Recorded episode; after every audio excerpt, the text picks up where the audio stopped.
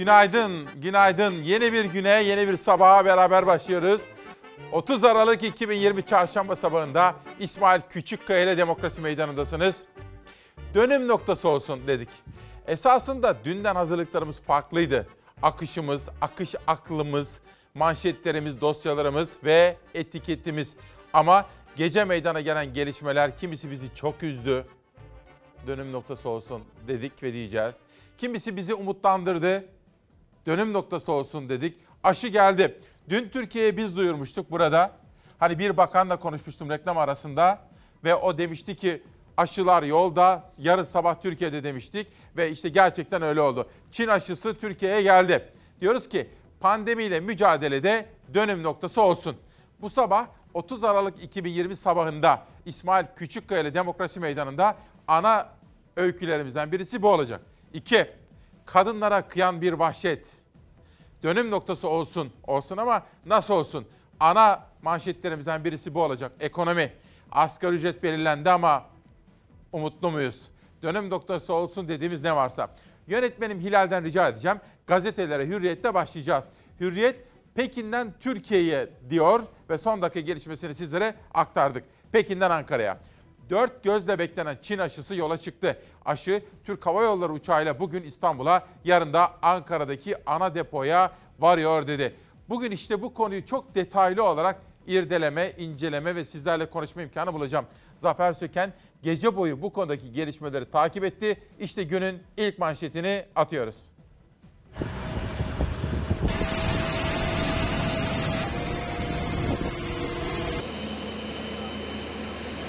Türkiye'nin aylardır beklediği an geldi. Çin'den alınan aşıların ilk partisini taşıyan uçak Ankara'ya indi. Ümit ederim ki darlıkların bittiği, genişliklerin başladığı gün bugündür. Türkiye Çinli Sinovac şirketiyle 50 milyon doz aşı anlaşması imzaladı. Alınan aşıların 3 milyon dozluk ilk partisinin geliş tarihi önce 11 Aralık olarak açıklanmıştı. Ardından tarih 28 Aralık olarak belirlendi. Ancak Pekin gümrüğünde görülen koronavirüs vakası nedeniyle aşıların nakliyesi ertelendi. Çin'den sipariş verdiğimiz aşının ilk partilerinin yılbaşından önce ülkemize teslim edilmelerini bekliyoruz. İki günlük son rötarın ardından Pekin Havalimanı'nda dün yeniden hareketlilik başladı. Türkiye'ye gelecek onayları da alınan aşılar özel konteynerlar içinde tek tek taşındı. 3 milyon doz aşı Türk Hava Yolları'na ait uçağa yüklendi. Aşıları taşıyan uçak Türkiye saatiyle dün akşam 19.50'de Çin'in başkenti Pekin'den havalandı. Uçağın pilotları da heyecanlarını, duygularını böyle paylaştı. hastalığın ve kayıplarımızın sona ermesi dileğiyle tüm ülkemize, milletimize hayırlı olsun. Aşıları taşıyan uçağın ilk olarak İstanbul'a inmesi planlanıyordu. Ancak gece saatlerinde uçağın Ankara'ya ineceğini Sağlık Bakanı Fahrettin Koca açıkladı. Saatler 5.44'ü gösterdiğinde ise beklenen an geldi çattı. Türk Hava Yolları'na ait kargo uçağı Esenboğa Havalimanı'na indi. Ankara'ya ulaşan uçağın kapıları açıldığında koronavirüsle mücadelenin en önemli silahı aşılar görüldü. 3 milyon doz aşının yer aldığı 17 konteyner forkliftlerle son derece dikkatli bir şekilde yere indirildi. Çin'den gelen aşılar için 7 kamyon geldi Esenboğa Havalimanı'na. Aşılar o kamyonlara yüklendi. Ardından Sağlık Bakanlığı'na ait Ankara Çubuk'taki aşı deposuna doğru yola çıktı. Fahrettin Koca test sürecinin hemen başlayacağını açıkladı. Aşılarımızı getiren uçak Esenboğa Havalimanımıza ulaştı. 14 gün sürecek testleri hemen Türkiye İlaç ve Tıbbi Cihaz Kurumumuzda başlayacak. Testleri biter bitmez ise aşılama programımız Halk Sağlığı Genel Müdürlüğü koordinasyonunda gerçekleşecek. Çin'den gelen aşılar Sağlık Bakanlığı'nın aşı deposunda 14 gün 2 ila 8 derece arasında saklanacak. 14 günlük süreçte aşıların arasından rastgele seçimler yapılacak. Aşıların güvenilirliği test edilecek. Bir aksilik olmazsa 14 gün sonra ilk aşılama başlayacak. Aşılar 2 hafta arayla 2 doz şeklinde uygulanacak. 3 milyon doz aşıyla sağlık çalışanlarının öncelendiği 1,5 milyon kişi aşılanacak ilk aşamada. Sinovac Şubat ayı sonuna kadar 47 milyon doz daha aşı gönderecek Türkiye'ye. Aşılamada hedefse Haziran ayına kadar aşılanan kişi sayısının 60 milyona ulaşması. Dönüm noktası olsun dedik efendim. Bu konuyu bugün çok detaylı olarak konuşacağız.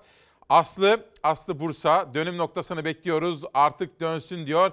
Mehmet Erbağcı usta öğreticilerin hak mağduriyetine değinirken Burak ben gönüllü olmak isterim diyor. Efendim arkadaşlarım Beril Ötkan ve kameraman Serhat Yağmur gece boyu gelişmeleri yerinde takip ettiler. Şimdi canlı bağlantıya gidelim. Hilal hazır mıyız? Evet peki güzel. Beril Ötkan'a günaydın diyelim Serhat'la birlikte. Beril, şimdi Türkiye için önemli bir an. 3 milyon. Hani aslında 100 milyona ihtiyacımız var ama ne de olsa gelsin. Bir başlasın dedik. Neler yaşadın, neler yaşandı orada bir anlatır mısın?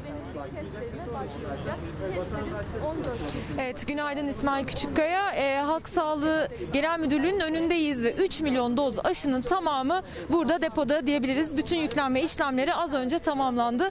Neler yaşadık? Biz aslında geceden beri çok hareketli dakikalar yaşadık. Öncelikle Türk Hava Yolları'nın duyurusuyla birlikte aşıların biz İstanbul üzerinden Ankara'ya aktarılacağını e, tahmin ediyorduk. Öyle söylenmişti. Gerçi Sağlık Bakanlığı bu konuda net bir açıklama yapmamıştı ama gece yarısı Sağlık Bakanlığı tarafı, tarafından telefonlarımız çaldı ve deyim yerindeyse koşturarak Esenboğa Havalimanı'na geldik. Saat 5.45'te 3, 3 milyon doz Çin aşısını taşıyan uçak havalimanına indi. O tarihi ana tanıklık ettik ve e, haberde de izledik. Çok dikkatli bir şekilde zaten soğuk zincir korumasıyla gelmişti aşılar. Çok dikkatli bir şekilde kamyonlara yüklenerek hemen arkamızdaki bu depoya getirildi. Biz de an be an buna tanıklık etmiş olduk. Yaklaşık bir buçuk saat sürdü uçaktan indirilmesi, kamyonlara yüklenmesi, buraya taşınması ve artık gün aydınlanıyor, e, e, hava aydınlandı ve bütün e, depolama işlemi tamamlandı. Burada ne olacak peki? 14 gün boyunca testlere devam edecek Sağlık Bakanlığı. Her şey yolunda giderse ilk başta sağlık çalışanlarına aşılama başlayacak ve e, şu anda hemen testlerin başlanacağı söylenmişti. Depoya hemen arkamızdaki depoya geldiğini söyleyebiliriz. Aşılar artık Ankara'da Sağlık Bakanlığı'nın test aşamasında diyelim. Beril bir kere emeğiniz için hem sana hem arkadaşlarımıza Serhat Yağmur'a çok teşekkür ediyorum. Başkaca detaylar, haberler var. Peki bir de bir önemli tartışma konusu daha vardı Beril. Sağlık Bakanı da bu konuda bir açıklama yaptı. Hani aşılarla ilgili bu firma konusunda bir aracı firma var mıydı yok muydu? Dün çok konuşuldu. CHP'liler aracı firma olduğu iddiasında çünkü TRT muhabirinin böyle çektirdiği öz çekimde arkada Çin'den Pekin'den gelen fotoğrafta bir aracı firma ismi vardı. Sağlık Bakanlığı bu konuda bir açıklama yaptı galiba değil mi? Ne diyor? Evet, e, Sağlık Bakanı bu konuda bir açıklama yaptı. Diyor ki aslında Sinovac'ın yani Çin aşısının e, biz doğrudan onlarla birlikte bir pazarlık yapmıştık. Bu süreci tamamen biz Sağlık Bakanlığı olarak kendimiz yürüttük Çin hükümeti ve Sinovac e, şirketiyle birlikte diyor. İşte Türkiye'de adı geçen o firma e, muhalefetin dile getirdiği tam da bir muhabir arkadaşın Çin aşıları Pekin'deyken onların önünde çekindiği bir fotoğrafın arkasındaki detay aslında dikkatimizi çekmişti. Orada çünkü Sağlık Bakanlığı'nın ambleminin yanında bir de Ankaralı bir firmanın adı ve adresi vardı ve ondan sonra aslında muhalefet ondan önce de bu iddiayı dile getiriyordu ama onu delil göstererek daha güçlü bir sesle bu iddiayı dile getirmeye devam ettirdiler ve işte biz hem o firmaya da gittik aslında dün ama Sağlık Bakanı dedi ki o firma aslında zaten Sinovac'ın Türkiye'deki temsilcisi. Yani aracı bir firma yok. Hiçbir şekilde aracı bir firma yok. O firma zaten Sinovac gibi düşünülebilir. Türkiye'deki temsilcisi. Biz de dün o firmaya gittiğimizde bir yetkiliyle röportaj yapmak için gitmiştik ama röportajımızı yapamadık. Fakat kısaca kendilerinden bilgi alabildik en azından. Dediler ki biz uzun yıllardır Sinovac'la zaten çalışıyoruz. Yani bu aşı sürecinde başlamış bir iş ortaklığı değil. Biz Sinovac'ın iş ortağıyız. Türkiye'deki iş ortağıyız dediler kendileri de. Yani bir anlamda aşı bir aracı firma değil ama bir Türk firmayla iş ortaklığı anlamında Türkiye'ye getiriliyor. Beril çok ama çok teşekkür ediyorum. Emekleriniz için teşekkürler. İşte bakın günün en çok tartışılan konularından birisi de aracı firma var mıydı yok muydu? Sağlık Bakanlığı aracı firma olmadığını yalnızca lojistik imkanlar için zaten o firmanın Çinli aşı firmasının Türkiye'deki temsilciliği ile çalışıldığını söyledi. Ama galiba bu pilav daha çok su kaldırır. Bakalım bundan sonra gelişmeler bize ne gösterecek. Hürriyet gazetesinden bir sonraki manşete geçeceğim. İkinci turda Hürriyet'te kadın cinayetleri konusunda bir manşet var. Öyle şeyler yapmalıyız ki dönüm noktası olsun diyelim bugünkü etiketimiz. Ve işte bakın Aylin Hoca ile biz de yandık diyor Cumhuriyet Gazetesi. Türkiye yine kadın cinayetleriyle sarsıldı. Şiddetin son kurbanlarından biri akademisyen oldu. Dün Türkiye'mizde 3 kadın vahşice öldürüldü. Bu sabah ana gündem maddelerimizden birisi de bu olacak. Yalnızca akademisyen Doktor Aylin Sözer değil, 3 kadınımızı öldüren bir vahşet günlüğü yaşadık. Dönüm noktası olsun diyoruz ama nasıl olsun? İşte bunu da bu sabah konuşmamız gerekiyor. Bir sonraki gazeteye geçeceğim ama bir şiddet haberi daha var efendim. Gelecek Partisi'ne yönelik bir silahlı saldırı gecenin manşeti oldu. Gelecek Partisi İzmir İl Başkanı'na silahlı saldırı düzenlendi. Başkanın sağlık durumu iyi. Polis saldırganları arıyor. Gelecek Partisi İzmir İl Başkanı Cüneyt İşçilik, Bayraklı ilçesinde yaptığı esnaf ziyaretlerinin dönüşünde saldırıya uğradı.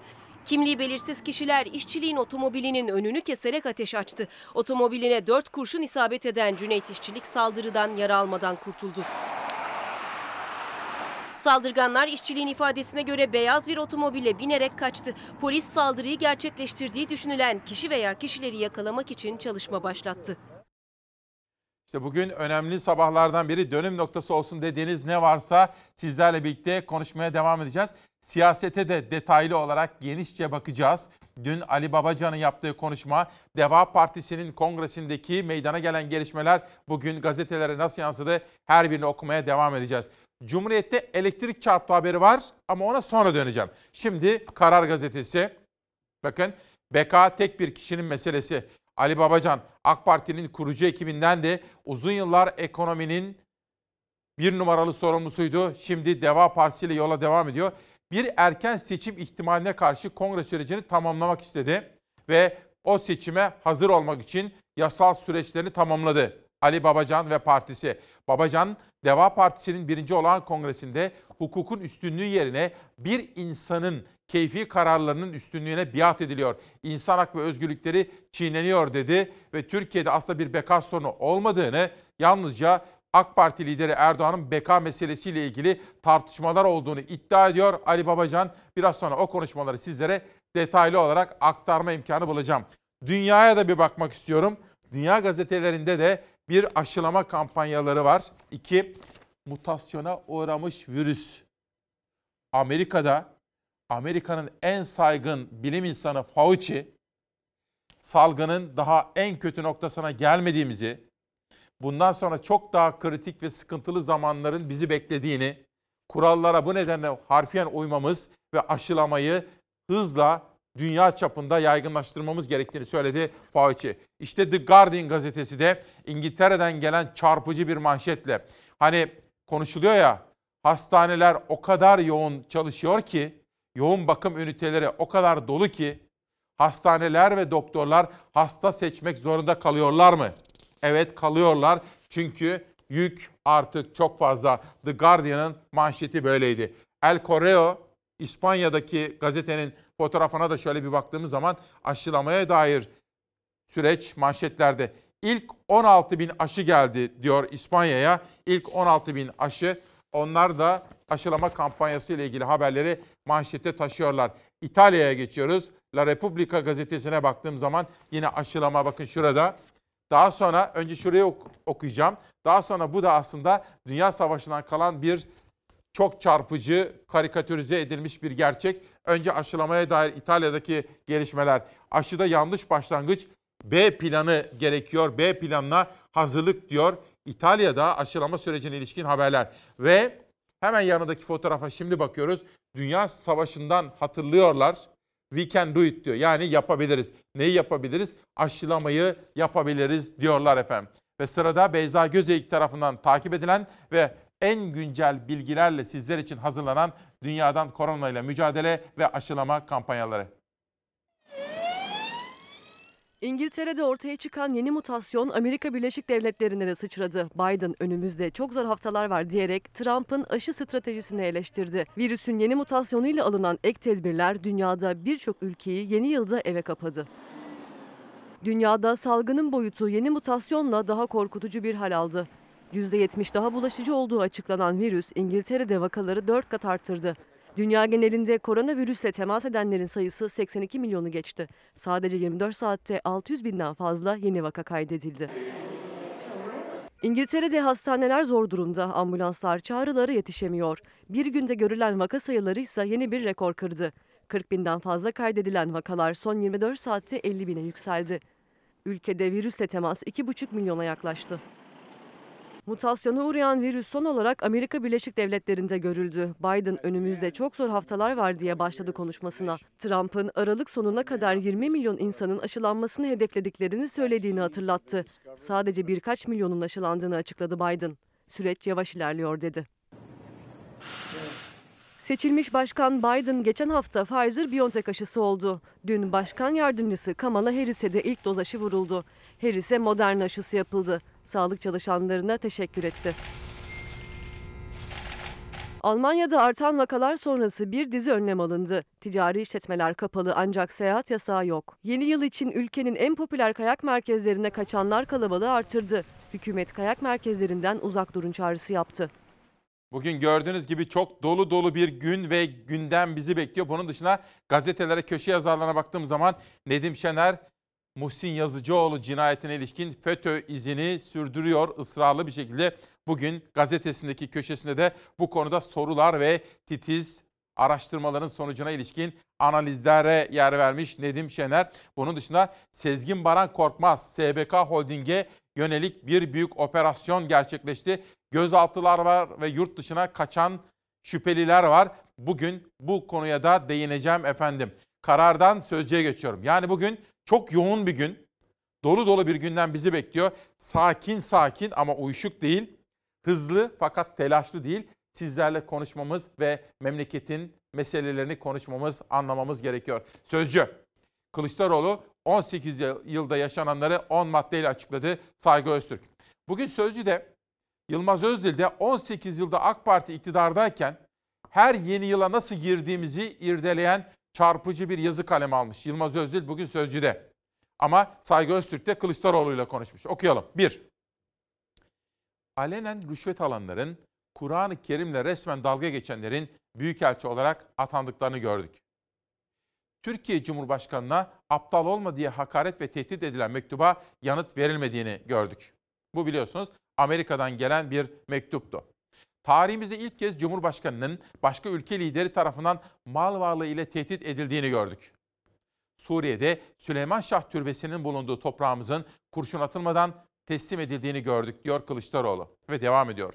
Cumhuriyet tarihinde ilk kez sahte diploma ile bankaya girildiğini ve bunun mecliste savunulduğunu gördük. Şehitler ve gaziler arasında ayrımcılık yapıldığını itiraf eden bir yönetim şeklini tarihimizde ilk kez gördük diyor Kılıçdaroğlu. Cumhuriyet tarihinde ilk kez tank üretmemize engel olunduğunu, tank fabrikasının Katar'a verildiğini gördük. Ekonominin yatırım, üretim, istihdam ekseninden çıkarılarak döviz faiz eksenine oturtulduğunu gördük. Faiz baronlarının ekonomiyi yönetmede ana aktör haline getirildiklerini ilk kez bu iktidar döneminde gördük diyor. Tek adam rejimi, şahsım devletiyle demokrasiyi, anayasayı ve yasalarımızı askıya aldıklarını gördük diyor. Bu sözler bugün Sözcü'de Kılıçdaroğlu'na ait. Ve Ankara'da Ankara Belediye Başkanı Mansur Yavaş eski dönemin Melik Gökçek dönemin dosyalarını tek tek açmayı sürdürüyor. Bunlar 5 senedir satın alındığından beri burada atıl vaziyette. Yaklaşık 70 milyon lira bu makinelerin değeri. Ankaralıların cebinden çıkan para bu. Ama Ankara Büyükşehir Belediyesi'nin incelemelerine göre 2015 yılında 7 milyon 375 bin euro ödenerek alınan 15 iş makinesi bir kere bile kullanılmadı. Çünkü bozuk çıktı. Mansur Yavaş Gökçek dönemindeki bir ihaleyi daha mahkemeye taşıdı. Konuyu savcılık makamına intikal ettirdik. Kamu zararı söz konusu, görevi kötüye kullanma, kamuyu bilerek zarara uğratma suçlamaları var. Suçlamalar belediye şirketi olan Belko AŞ'nin 2015 yılındaki yöneticilerine iddiaya göre o dönemki yöneticiler kanuna aykırı olmasına rağmen açık ihale yerine doğrudan alımla bir şirketten 15 iş makinesi aldılar. Belka Anonim şirketinin o zamanki yönetim kurulu üyeleri kanunu dolanarak bu alımı gerçekleştirmişler. Malın kimden alınacağı, kaça alınacağı her şey belli. Satıcı firmanın uzmanlık alanı iş makineleri değil. Uzmanlık alanı olmamasına rağmen bugüne kadar çalıştırılamayan iş makineleri o firmadan alınmış ve 7 milyon 375 bin euro dönemin döviz kuruyla 25 milyon lirada ödeme yapılmış. Belediyenin bugünkü avukatları bunun tek örnek olmadığını da söyledi. Gökçek döneminde aynı şirketin belediyenin farklı iştiraklerine çok farklı alanlarda ürün sattığı da tespit edildi. 2015 dönemi itibariyle Ankara Büyükşehir Belediyesi'ne bağlı şirketlerin açtığı ihalelerden mal sattığını biliyoruz. İş makinalarındaki bir yazılım hatasından dolayı 5 yıldır yani alındıkları günden beri bir kez bile kullanılamamışlar. Şimdi belediye yönetimi bu iş makinalarını elden çıkarmanın ya da çalıştırmanın bir formülünü arıyor. Eğer o formül bulunamazsa 7 milyon 300 bin euro yani bugünün kuruyla 65 milyon lira çöp olacak. Bu konuda olağanüstü bir araştırma yapıyor. Bu makinelerin çalışır hale getirilmesi, belki satılması ya da başka türlü değerlendirilmesi noktasında ama şu ana kadar bir yol kat edilmiş değil. Yani bozuk iş makineleri için Ankara Büyükşehir Belediyesi kasasından aslında tüm Ankaralıların cebinden bir şirkete boşu boşuna 7 milyon 375 bin euro ödendi. Bu da Beril Ötkan'ın haberiydi. Dün sizlere söylemiştim. Beni Tevfik Göksu aradı AK Partili ve söz hakkım var. Demokrasi meydana katılmak istiyorum demişti. Onunla ilgili bir haber var. Konu neydi hatırlayacaksınız. AK Partili belediye olunca camileri, okulları, benzeri alanları devlete veriyorlar ve masluplaşıyorlar. Yani AK Partili belediyenin borcu siliniyor demiştim. O da dedi ki bu rutin bir uygulama, gerekli. Hatta incelerseniz Ekrem İmamoğlu da bunu yaptı demişti. O konuda bir haberim var. Bir de ben de ona dedim ki peki ama dedim halk ekmek büfeleriyle ilgili belediyenin talebini neden engelliyorsunuz? Mesela taksi uygulamasını neden engelliyorsunuz diye sordum.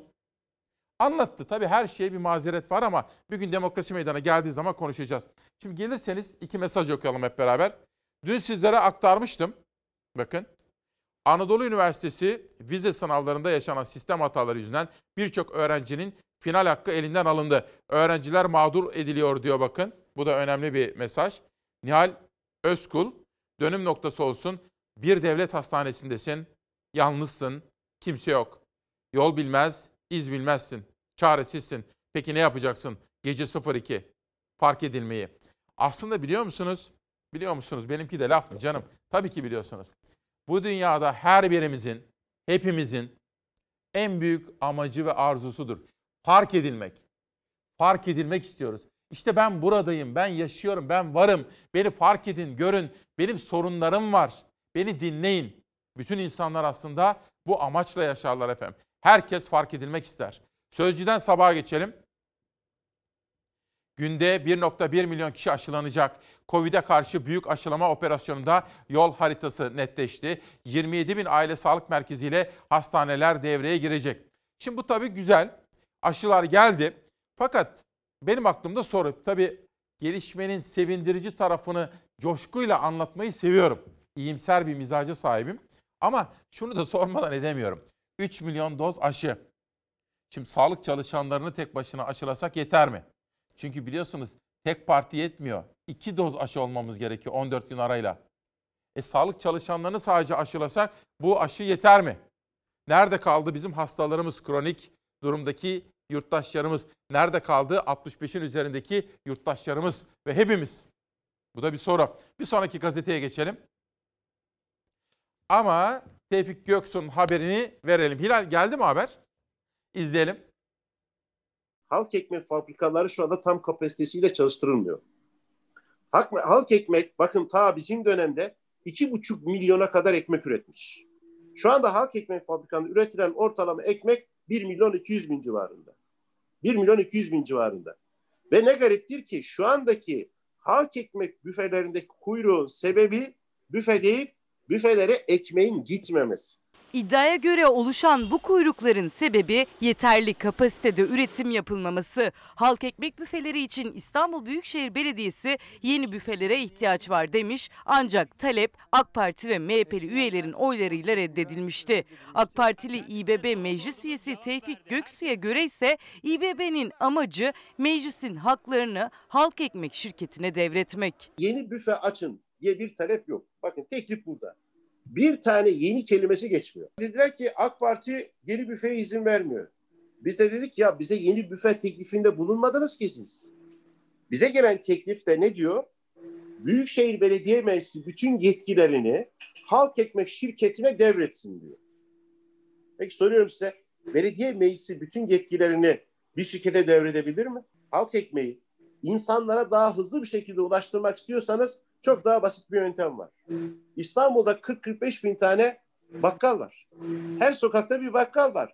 Dağıtın bakkallara, verin bakkallara insanlara hemen ulaşsın. Göksu'ya göre kuyruklarda yaşanan yoğunluğun sebebi ekmek dağıtımının günde iki kez yapılması. İlla büfe diyorsanız büfelerin analizini getirin. Kaç tane büfe ihtiyacınız olduğunu getirin.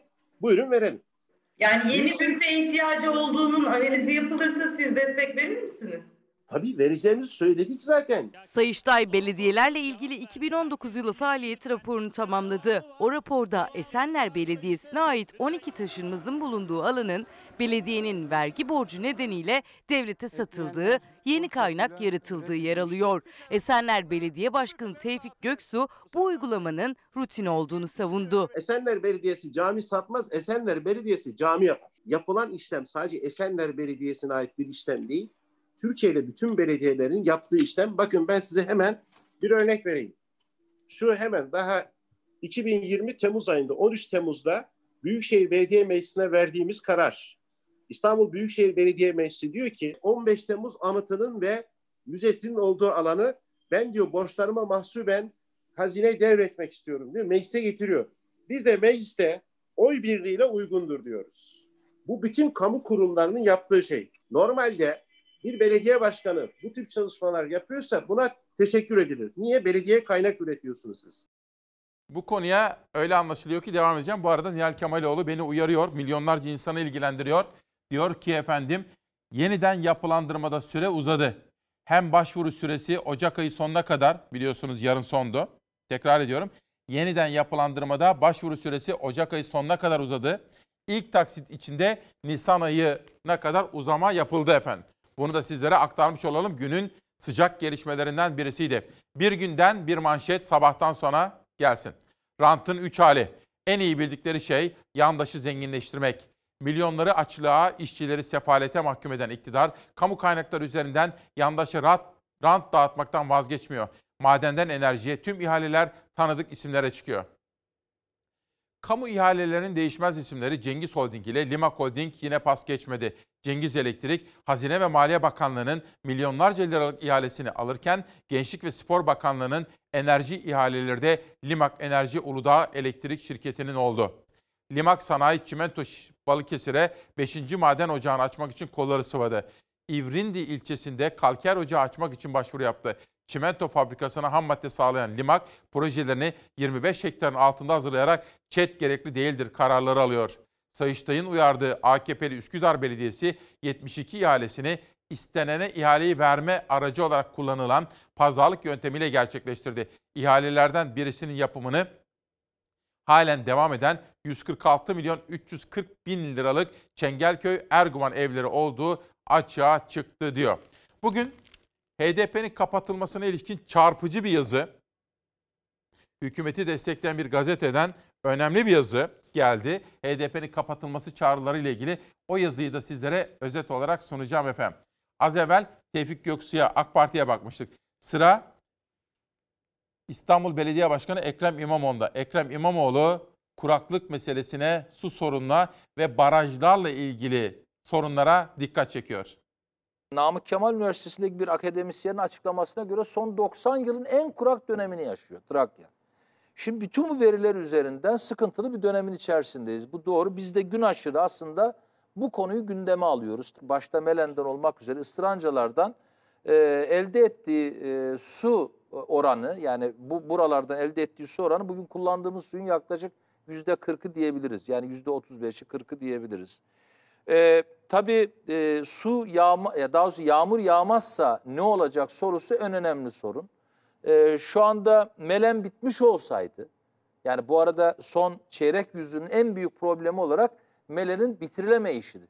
Yani bunun bitirilmiş olması şu anda İstanbul'un böylesi bir en kurak dönemde bile e, su sorunu yaşamaması anlamına geliyor. Ne durumda o şu an? Ve ne ne yazık ki neredeyse baraj yeniden yapılıyor. Yani böyle bir e, tadilat dönemi başladı. Yanlış yapılmış bir imalat ve çatlayan gövdeden dolayı yeni bir ihaleyle süreç devam ediyor. Bunun İstanbul'da tam anlamıyla hizmete girmesi 3-3,5 sene. Oo. Tabii 30 ay gibi iş bitim süresi var. O süre başladı. Ama 30 aydan sonra bir de barajın dolma süresi var. Dolayısıyla Bu kadar süre aslında İstanbul'un e, çare bulmak zorunluluğu var. Bugün dönüm noktası olsun dedik. Peki sırada Pencere gazetesi, hukuk dünyasından bir haber ve Sabah gazetesinden şaşırtıcı bir çıkış parti kapatmalara HDP'ye ilişkin. Enteresan bir çıkış. Önce Pencere. Anayasa Mahkemesi Kavala'yı reddetti. Hukuk ayaklar altında. Anayasa Mahkemesi Osman Kavala'nın başvurusunu reddetti. Profesör Osman Can kararı değerlendirdi. Türkiye'de hukuki öngörülebilirlik kalmadı dedi. Anayasa Mahkemesi AHİM'in ihlal kararına rağmen 1155 gündür tutuklu bulunan Osman Kavala'nın başvurusunu reddetti. 8 üyenin oyu ile alınan karara 7 üye karşı çıktı.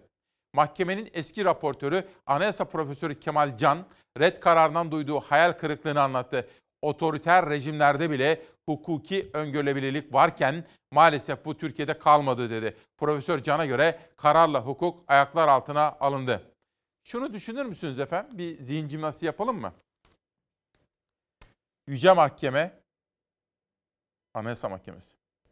15 üye, Türkiye'nin ve dünyanın konuştuğu bir dosya önlerinde, Osman Kavala dosyası. 15 kişi Yüce Heyette dosyayı okuyorlar, inceliyorlar. 15 Yüce Mahkeme üyesinden 7'si hak ihlali var diyor. 15 Yüce Mahkeme üyesinden 8'i ise hak ihlali yok diyor. Bunu düşünmeniz gerekir. Demokratik bir hukuk devletinin özgür düşünen bireyleri olarak anayasasındaki sahip olunan hakları size teminat olarak sunan bir devletin özgür bilinçli yurttaşları olarak bunu düşünmeniz gerekiyor efendim. 15 hakimden 7'si hak ihlali var diyor, 8'i yok diyor. Ben hiçbir yoruma girmiyorum bakın. Size tabloyu olduğu gibi sunmayı bir vazife biliyorum. Şimdi gelin günün çarpıcı yazıları. Az evvel Nedim Şener'in yazısından bahsetmiştim. Sırada Melih Altınok. O zaman anayasadan parti kapatmayı kaldırın diyor. Bakın şuradan itibaren okuyayım. Kaldı ki parti kapatma bir çözüm olarak görülmüyorsa ki iktidar bunu söylüyor. Numan Kurtulmuş açıkladı, Bülent Turan açıkladı. Gündeme gelmesi Türkiye'nin zararınaysa bu tedbir anayasamızda siyasi partiler kanunda hala niye duruyor? O zaman kapatalım diyenlere bir yanıt geliyor efendim. Kapatma çözüm değilse o zaman bunu hukuki metin olarak da düzeltelim diyor. Şimdi de bir soru daha.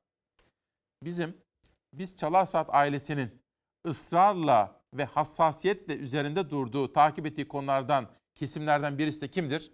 Çiftçilerdir evet. Burası benim meyve bahçem. Hacizli.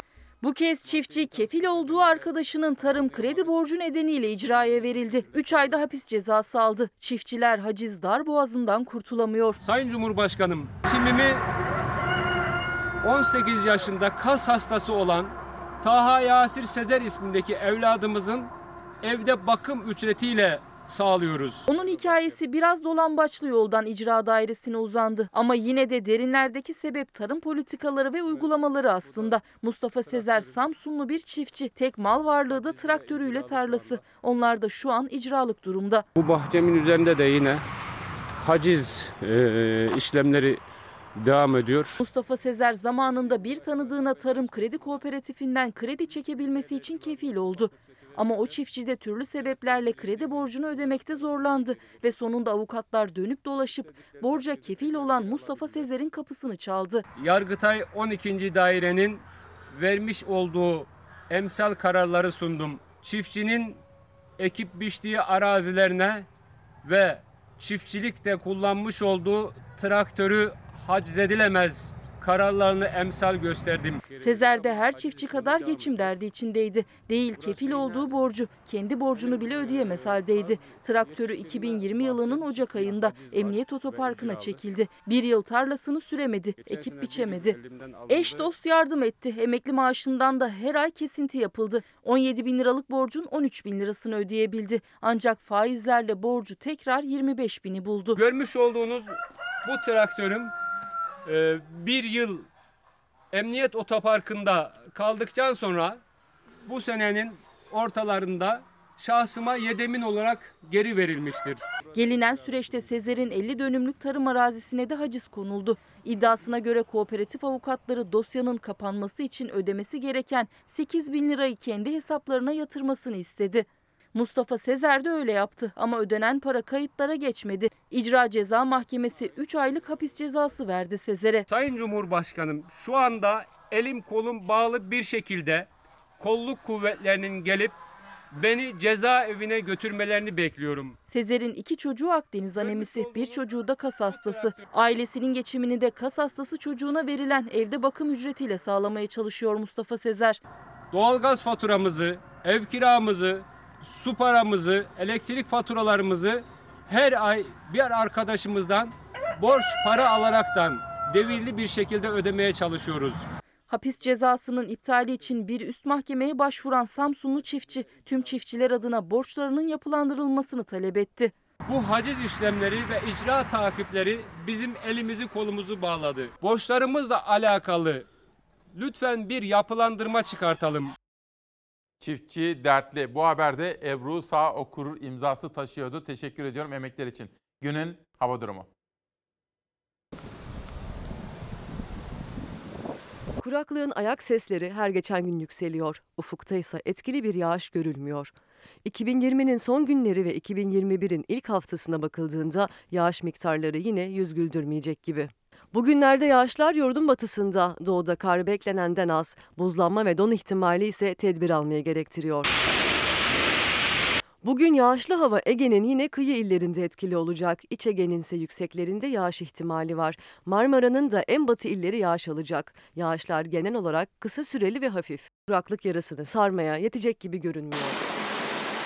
Sıcaklıklarsa batı bölgeler ve iç kesimlerde bugün ve haftanın genelinde normallerin üzerinde gidecek. Yurdun doğusunda ve iç Anadolu'da ise geceden sabaha dondurucu soğuklar buzlanmayı beraberinde getiriyor. Bugün İstanbul'da yağış ihtimali düşük, sıcaklık yine bahar havasını aratmayacak. Ankara'da sabah hava sisli, gün içinde ise güneş kendini bolca gösterecek. İzmir'de ise yağış devam ediyor. Yağış İzmir'de perşembe günü kuvvetlenebilir. 2020'nin son günü Perşembe gününde de yağışlı havanın adresi değişmiyor. Yağmur bırakacak bulutlar yine Ege ve Marmara üzerinde görülecek. Ege kıyılarında kuvvetli sağanak görülebilir. Öte yandan lodos kuvvetli esmeye devam edecek. Bugün ve Perşembe günü Ege ve Marmara'da kuvvetli lodosa dikkat edilmeli. Yeni yılın ilk gününde ise yağışlı hava etki alanını genişletiyor. Sadece en batıda değil, Ege ve Marmara bölgelerinin tamamında cuma günü yağmur bekleniyor. Kıyı Ege'de yağış cuma günü yine kuvvetli olabilir. Şimdiden bilmekte fayda var. Evet en son Türk Gün Gazetesi'ne gelmişti. Fakat çiftçi demişken bakın bir mesaj daha okumak istiyorum. Kundu'dan Ramazan Özcan. İsmail kardeşim günaydın. Bizler örtü altı üretim yapan çiftçiler. Antalya hallerde ürünlerimiz satılmıyor demiş Ramazan Özcan Aksu Kundu. Bunu da Tarım Bakanlığı'na ve yetkililere de bunu duyurmayı bir vazife biliyoruz. En son Türk Gün Gazetesi'nde kalmıştık. Geçelim. Yılbaşı kritik eşik. Alınan tedbirler sonuç verdi diyor Türk Gün Gazetesi. Ağır hasta ve aktif vaka sayısı gittikçe düşüyor. Çin'den sipariş edilen aşılar bugün geliyor geldi. Yılbaşı kutlamalarının kontrolden çıkmaması için özel tedbirler alınıyor diyor. Saatler 8.39. 8.40 sizlere ilerleyen dakikalarda Lütfü Akdoğan'dan şöyle 90 yaşındaki bir delikanlıdan bahsedeceğim. Müthiş muazzam bir isim. Ama şimdi bir de şu kitabı da tanıtayım. Ensar Tunç bana göndermiş bunu. Bilmiyorum ut sesini sever misiniz? Ben çok severim. Size bir fincan sade veya tercihinize göre az şekerli kahve ısmarlasam olur mu efendim? Kahve zamanı. Hoş geldiniz. Günaydın. 30 Aralık 2020 günlerden çarşamba İsmail Küçükkaya ile Hakikat Yolculuğundasınız. Hoş geldiniz. Demokrasi Meydanı'nda biraz sonra özel bir konuğum var. Daha evvel ağırladığımda çok etkilenmiştiniz. Dönüm noktası olsun diyoruz. Aşılar geldi. 3 milyon doz. Tabii sağlık çalışanlarına bile daha yetecek kadar değil ama yine de hiç yoktan iyidir diyelim. Dönüm noktası olsun diyoruz aşı pandemiyle mücadelede. Bunun dışında maalesef 3 kadını katlettiler. 3 kadın vahşice öldürüldü. Dönüm noktası olsun. Öyle şeyler yapalım ki dönüm noktası olsun diyoruz. Ekonomiye dair haberler, esnafa dair manşetler bizimle birlikte. Yaşanan sıkıntılar son bulsun. öyle şeyler yapılsın ki dönüm noktası olsun diyoruz. Yönetmenim Hilal'den rica edeceğim. Şöyle bir dışarıya bakacağım. Evet, saatler 8.57'den 58'e doğru hızla yol alırken günün günün hava durumu. Geldi. Aşırı derecede sel geldi Tolu'la beraber. Yukarıdan ayrı küldür küldür geldi böyle. Naylon topuna evin kapısına dayamazsak gittiydik. Aşırı sağanak yağışın neden olduğu selin ardından yaralar sarılmaya çalışılıyor. Seraları talan olan çiftçiler canlarını zor kurtardıklarını anlatıyor. Çok yağdı. Böyle bir şey hiç görmedik biz hayatımızda. İlk defa yaşıyorum böyle bir şey. Dehşet bir şeydi. Canımızı kurtardığımıza şükür ediyoruz Allah'ımıza. Binlerce şükür ya Rabbi. Önceki akşam yaşanan hortum ve selin bıraktığı hasar gündüz ortaya çıktı. Antalya'da hortum seraları dağıttı. Sel suları ise ürünlere zarar verdi, naylonları yırttı. Çiftçinin zararı büyük. Kumluca ilçesinde seracılık yapan üretici hasarı en az indirmeye çalışıyor. Yani dağın suyu olan su bizim seranın içinden geçti. Yurdun doğusunda ise geceden sabaha yoğun buzlanma ve don görülüyor. Bayburt'ta geceden sabaha her yer buz tuttu. Gece saatlerinde eksi 20 dereceye kadar düşen termometre değerleri nedeniyle yerdeki kar örtüsü buz kesti. Muş'ta ise kırağı tutan ağaçların görüntüsü yansıdı kameralara. Hava gece saatlerinde eksi 15 dereceye kadar soğuyor Muş'ta. Ovada geceleri ortalama eksi e, 15-20 derece arasına kadar soğuklar çıkabiliyor. Gördüğünüz gibi işte ağaçlardaki kırağı tutmaları kartpostallık olmuştur. Yurt genelinde ise yağış yok denecek kadar az. Ancak buzlanmanın etkisi doğu ve iç kesimlerde görülmeye devam edecek. Batıda ise termometreler Aralık ayının son günlerinde normallerin üzerinde seyrediyor. Adeta kış ortasında bahar yaşanıyor. İstanbul'da hava sıcaklığı 16 dereceye kadar çıktı. Batı bugün de ılık bir gün geçireceğe benziyor. Geniş kesimleri ve ekonomiyi, iş dünyasını ilgilendiren iki önemli son dakika gelişmemiz var. Hilal hazır mıyız? Verelim. Bir, yapılandırmada süre uzadı. Aslında yarın son gündü. Hani borç yapılandırması vardı ya. Yapılandırmada süre uzadı. Şöyle bir mührü de basalım. Hem bastık. Bakın. Borç yapılandırmasında başvurular uzatıldı. Bu iyi bir karar. Çünkü izdiham oluşacaktı. Yapılandırmada 31 Aralık 2020'de yani yarın sona ermesi gereken başvuru süresi bir ay uzatıldı. 31 Ocak 2021'e kadar uzatıldı. Lütfen son dakikaya bırakmayın işimizi. Artık bu alışkanlığımızı değiştirelim. En son dakika, dakikaya bırakmayalım. Ve 1 Mart 2021'deki ilk taksit ödemesi de yine 1 Nisan 2021'e ertelendi. Bu geniş kesimleri ilgilendiren ilk manşetti. 2. Hani işten çıkarma yasağı vardı ya, işten çıkarma yasağı. O da yine 2 ay uzatıldı. Pandemi nedeniyle zaten zor durumdaydı herkes, hepimiz. Bu nedenle bu kararın da önemli ve yerinde olduğunu çizmek ve hatırlatmak istiyorum. Şimdi gazetelere geçelim. Bu konulardaki haberleri sizlere yine anlatmaya devam edeceğim efendim. Sabah 8'de ilk manşetimiz ve Beril Ötkan'la bağlantımız vardı. Çin'den 3 milyon doz da olsa, az da olsa, henüz sağlık çalışanlarına bile yetmeyecek olsa da bir ilk doz aşılar geldi efendim. Ama bir de bir tartışma vardı. Hani Sağlık Bakanı'nın da açıklaması vardı. Size onlardan da bahsetmiştim. Sağlık Bakanı bu iddiaları yalanlıyor. Bugün Sözcü gazetesinde aşıda aracı yok demişlerdi ama kolilerde firma ismi var. CHP'li Murat Emir, Çin'den alınan korona aşılarının TRT muhabiri tarafından paylaşılan fotoğraflarına dikkat çekti. Şöyle oldu. Çin'de bir muhabir, TRT'nin muhabiri aşılar yüklenirken böyle bir selfie çektiriyor. Yani öz çekim yapıyor. Fakat orada Çin aşısında aracılık yaptığı iddia edilen bir firmanın adı var. CHP, muhalefet bunun aracı olmayacak denilmişti denilerek üzerine gidiyor. Sağlık Bakanı da daha sonra bir açıklama yaptı. İşte bütün tarafların görüşü de alınarak hazırladığımız özel manşet. Aşının nasıl geleceğini aylardır soruyoruz. Aracı firma kullanılmayacağını söylediler. Biz anlaşmamızı doğrudan Sinovac'ın kendisiyle yaptık. Devlet Malzeme Ofisi ve Sinovac arasında herhangi bir aracı falan yok. Türkiye Cumhuriyeti kendisi ithal ediyorsa, Sayın Bakan'ın dediği gibi o halde o distribütör firmanın etiketinin orada ne işi var? Muhalefet Çin aşısının getirilmesinde aracı bir firma var mı yok mu sorusunun peşine düştü. Bakan Koca aracı firma iddiasını kesin bir dille yalanlamıştı ama Çin'de TRT muhabirinin aşı kolileriyle çektiği fotoğraf karesindeki etikette özel bir ilaç firmasının adı ve adresi ortaya çıkınca aşı tartışmasında arıcı polemiği yeniden alevlendi. Sağlık Bakanı bir kez daha iddialar için iftira dedi. Söz konusu firmanın yetkisinin yalnızca lojistikle sınırlı olduğunu açıkladı. Anlaşmanın idari ve mali tüm koşulları distribütörden bağımsız olarak ana üretici ile yapılan görüşmelerde belirlenmiştir.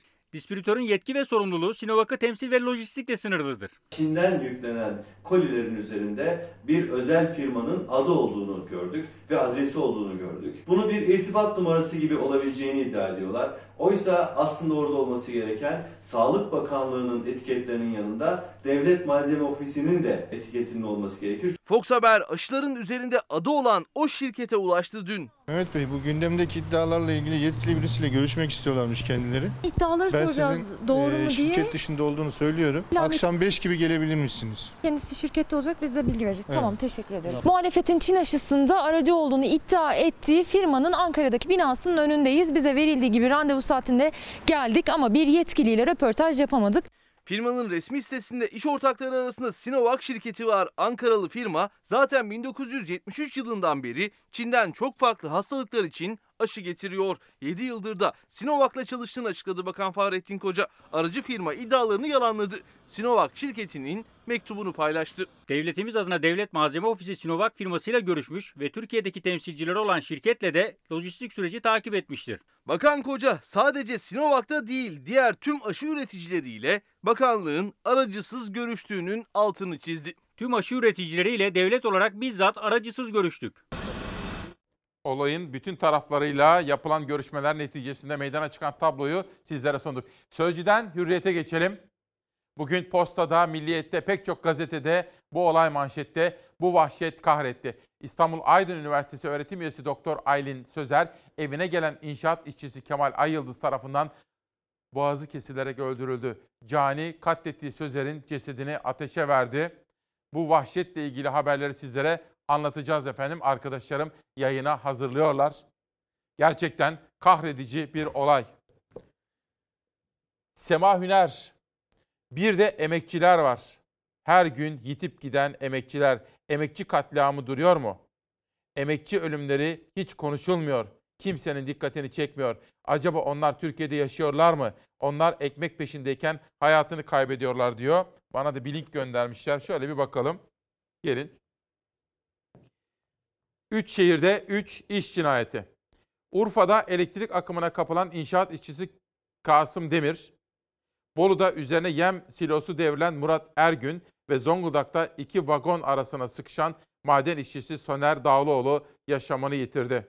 Bakın 30 Aralık'ta yani bugün 8.58.9'da paylaşılan bir, me- bir mesaj.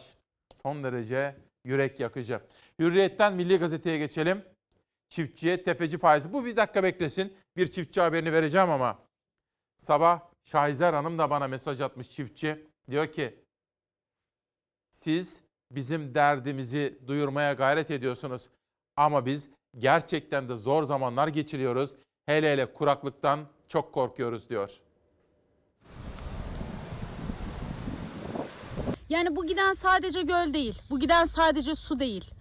Yani bu giden çocuk çoluğumuzun çocuğumuzun geleceği gidiyor. Soğuması, ağır kış şartlarının yaşanması beklenirken hava ısınıyor. Barajlardan, göllerden ardı ardına suların azaldığı, çekildiği haberleri geliyor. Kuraklık tehlikesi kapıda. İstanbul'daki barajların doluluk oranları son 10 yılın en düşük seviyesi olan %20'ye geriledi. Yağışlar beklenenden geç geldi. Toprak yeni yeni ıslanmaya başlamışken sıcaklıklar yeniden mevsim normallerinin üstüne çıktı. Ve bunun bir sonucu var. Kuraklık. Göllerde, barajlarda su çekilmeye, bir zamanlar su altında kaybolan ne varsa gün yüzüne çıkmaya başladı. İstanbul'da barajların doluluk oranı Aralık ayının başında %26 civarındaydı. İSKİ barajlardaki son durumu paylaştı. Veriler ürkütücü. Bu kadar kısa sürede yaşanan düşüş tehlikenin durumunun ciddiyetini gözler önüne seriyor. Güncel doluluk oranı %20.93. Son 10 yılın en düşük seviyesi. Bu orana en yakını 28 Aralık 2019'da %34.02 olarak ölçülmüştü. Burası Bursa İznik Gölü. Kuraklığın baş gösterdiği göl motorcuların parkuru oldu. İznik Gölü'nün bu derece çekildiğini hiç görmedim. Görsel olarak berbat. Yakında sazlıklar da çıkar buralarda. Burası Çanakkale Ayvacık, Tuzla ve Gülpınar köyleri arasındaki Tuzla çayı. Suyu çekilen gölde balıklar telef oldu. Kastamonu'daki Çiğdem göletinde de su seviyesinin düşmesi nedeniyle göletteki balıklar telef olma tehlikesiyle karşı karşıya. Riski önlemek için gölete yakınındaki bir barajdan tankerlerle su taşınmaya başlandı. ölüm tehlikesi geçiriyorlardı. E, su seviyesinin yükselmesine bağlı oradaki e, mevcut e, balık floramızın tamamının e, canını kurtardık. Kuraklık, susuzluk sonuçlarından biri ise kıtlık. Çiftçi ya ekmedi ya da ekmekten vazgeçti ürününü. Tokatlı çiftçi de kuraklık endişesi içinde. Bir yağmur yağmadığı için tarlalarımızdaki tezekler yumuşamadı. Yumuşamadığı için de görüyorsunuz. Taş gibi. Toprak kuru, tarlalar sürülemiyor. Çiftçi daha zor günlerle karşı karşıya kalmaktan endişe ediyor. Verim kaybı çok olacak bu yüzden. Allah sonumuzu hayretsin. Neden biliyor musunuz? Tabii ki biliyorsunuz. Çölleşiyoruz. Sebebi betonlaşma. Sebebi duyarsızlık, vandallık, hoyratça davranmak. Doğaya da hoyratça. Sebebi bu. Sonucu da bu. Çiftçiye tefeci faizi. Tarım kredi kooperatifleri çiftçiye destekten çok köstek oluyor diyor. Çiftçiye destek için kurulan ancak yanlış yönetim anlayışıyla üreticiye daha çok köstek olan tarım kredi kooperatiflerinin mağdurları gün geçtikçe artıyor. İzmir Tire Tarım Kredi Kooperatifi tarafından kullanılan krediye Bakanlar Kurulu kararına rağmen %100'den fazla faiz işletildiğini söyleyen çiftçi İbrahim Türkoğlu, biz çiftçilere boş kağıdı imzalatıyorlar. 38 bin lira kredi kullandım. 2018'deki sel felaketinden etkilenmeme ve bu yöndeki Bakanlar Kurulu kararına rağmen toplamda 100 bin liralık üstünde borç çıkarttılar diyor efendim. Bir sonraki gazeteye geçelim. Çiftçi bizim her gün ısrarla gündeme taşıdığımız temel konulardan biri. Çünkü Türkiye'nin temel sorunudur. Türkiye'nin varlık yokluk, beka meselesi çiftçinin yaşadıklarıdır. Ali Babacan yeniden genel başkan seçildi. Deva Partisi birinci olan kongresini yaptı. Dün yaptığı konuşmayla çok konuşuldu. Erken saatlerde size farklı gazetelerden de haberleri aktarmıştım efendim. Bir de Kavala meselesi vardı. Hatırlar mısınız Pencere gazetesinin manşetinde Osman Can, Profesör Doktor Osman Can ki AK Parti'ye AK Partililerin çok aşina oldukları, güven duydukları bir isimdi hatırlıyorsunuz. O da bu konudaki kaygılarını, düşüncelerini ifade ediyordu ve ortaya çıkan manzaradan ne kadar üzüldüğünü, utandığını gözler önüne seriyordu. Pencere gazetesinde Osman Can. Peki bir de Osman Kavala meselesi vardı. Hazır mıyız? Osman Kavala konusunda Anayasa Mahkemesi bir karar verdi. Fakat kararı izlerken, tabii hepimiz hukuka saygılıyız değil mi? Hukuk ne derse o. Değil mi? Hani öyle derler ya şeriatın kestiği parmak acımaz diye. Yani hukukun söylediği esastır diye. Ama bir detay var. Nedir o? Anayasa Mahkemesi'nde 15 üye. Yüce Mahkeme heyeti. Önlerinde bir dosya. Osman Kavala. 1155 gündür cezaevinde. 15 üye aynı dosyayı okuyor. Aynı kişinin tutukluluğuna bakıyor. Evrensel hukuk kurallarını inceliyor. Bizim anayasamızın metnini okuyor. Hukuk kurallarına bakıyor. 15 üyenin 7'si diyor ki hak ihlali vardır. Yani Osman Kavala'nın kişilik hakları ihlal edilmiştir diyor. 7 üye bunu söylerken 8 üye hayır diyor. Hak ihlali olmamıştır. Bunu siz özgür düşünen bireyler olarak sorgulamalısınız. Türkiye toplumunun daha adil bir toplum olması için. Gezi Parkı davasından beraat etti. Aynı gün 15 Temmuz'a ilişkin soruşturma kapsamında tutuklandı. Osman Kavala tutuklamanın hukuki olmaması nedeniyle kişi hürriyeti ve güvenliği hakkının ihlal edildiği gerekçesiyle Anayasa Mahkemesi'ne başvurdu. Anayasa Mahkemesi hak ihlalinin olmadığını hükmetti. İş insanı Osman Kavala Gezi Parkı eylemlerini organize ettiği iddiasıyla Kasım 2017'de tutuklandı. Kavala Avrupa İnsan Hakları Mahkemesi'ne başvurdu önce. Aralık 2019'da ahim ihlal kararı verdi. Kavala'nın serbest bırakılmasını istedi. Ancak yerel mahkeme tahliye kararı vermedi. Şubat 2020'de ise Kavala ve 15 kişi Gezi Parkı davasından beraat etti. Mahkeme tahliyesine karar verdi. Ancak aynı gün Osman Kavala bir başka soruşturmadan 15 Temmuz darbe girişimi kapsamında anayasal düzeni bozmaya teşebbüs iddiasıyla tutuklandı. Mart ayında ise siyasal ve askeri casusluk suçlamasıyla ikinci kez tutuklanmasına karar verildi. Osman Kavala tam tahliye olacak bir, bir ceza daha verdiler. Bu sefer casusluk verdiler. Ya adam zaten yıllardır hapiste. Anayasa Mahkemesi Genel Kurulu Osman Kavala'nın bireysel başvurusunu değerlendirdi. Gündem toplantısında ele alınan başvuru 7 üyeye karşı 8 üye ile oy çokluğuyla reddedildi. Genel Kurul Osman Kavala'nın kişi hürriyeti ve güvenliği hakkının ihlal edilmediğine karar verdi. CHP Genel Başkan Yardımcısı Muharrem Erkek Kavala davası hakkında konuştu. Canan Kaftancıoğlu'nun davasına da dikkat çekti. Türkiye itibar kaybediyor dedi. Osman Kavala'nın tutukluluğu 3 yılı aştı ve bu anlayış, bu zihniyet Türkiye'de hukuk reformu yapacak. Aslında Osman Kavala'yı cezalandırmıyorlar. Canan Kaftancıoğlu'nu cezalandırmıyorlar. Türkiye'yi cezalandırıyorlar çünkü Türkiye güven kaybediyor. İtibar kaybediyor. Sırada sağlıkçılarımıza ilişkin bir haber var. Efendim dün telefonda konuştum. Bizim Feride Savaş onun selamını söylemişti bana. Lütfü Akdoğan aradım. 90 yaşında bir delikanlı. Sizi bu kitabı okuduktan sonra onunla tanıştıracağım efendim günün birinde. Lütfü Akdoğan. Yaşayan bir tarih, bir kütüphane. Anlatacağım bir gün size. Bir günden bir manşet gelsin. İşçi açlığa mahkum. Erdoğan 2825 liralık asgari ücreti çok önemli bir iyileştirme yapılmış gibi keyifle açıkladı. Oysa alınan zammın daha ilk ayda eridiği asgari ücret emekçi için sefalet ücreti anlamına geliyor. 4 kişilik bir aile için açlık sınırı geçen yıla göre %19.7 yükselerek 2590 lira oldu. Gıda zamları bu seyirde giderse açlık sınırı 3100 lira olacak. İşçi 2021 yılını da açlık sınırının altında yaşayarak geçirecek diyor. Şimdi ben yönetmenim Hilal'den rica etsem iki Çalarsat gazetesi gelecek. Biri dünden sizlere söz verdiğim Gaziantep'teki olay. Biri de bugün sağlıkçılarımız. Önce bugünkü gelsin. Sağlıkçılarımızla ilgili bir manşet. Manşetin yapım fikri Nihal Kemaloğlu'na ait. Dedi ki yılın son gününde en büyük faturayı onlar ödedi. Ben de editörüm Zeray Kınacı ile konuştum. O da gerçekten özenerek bir gazete hazırladı. Orkun da çizdi gazetemizi Orkun Özgül. Bence doktorlarımız için ne yapsak azdır. Bakın doktorlar ölüyor, biz ölüyoruz. Ve yaşanan bütün gelişmeleri sizlere derleyip toparlayacağız.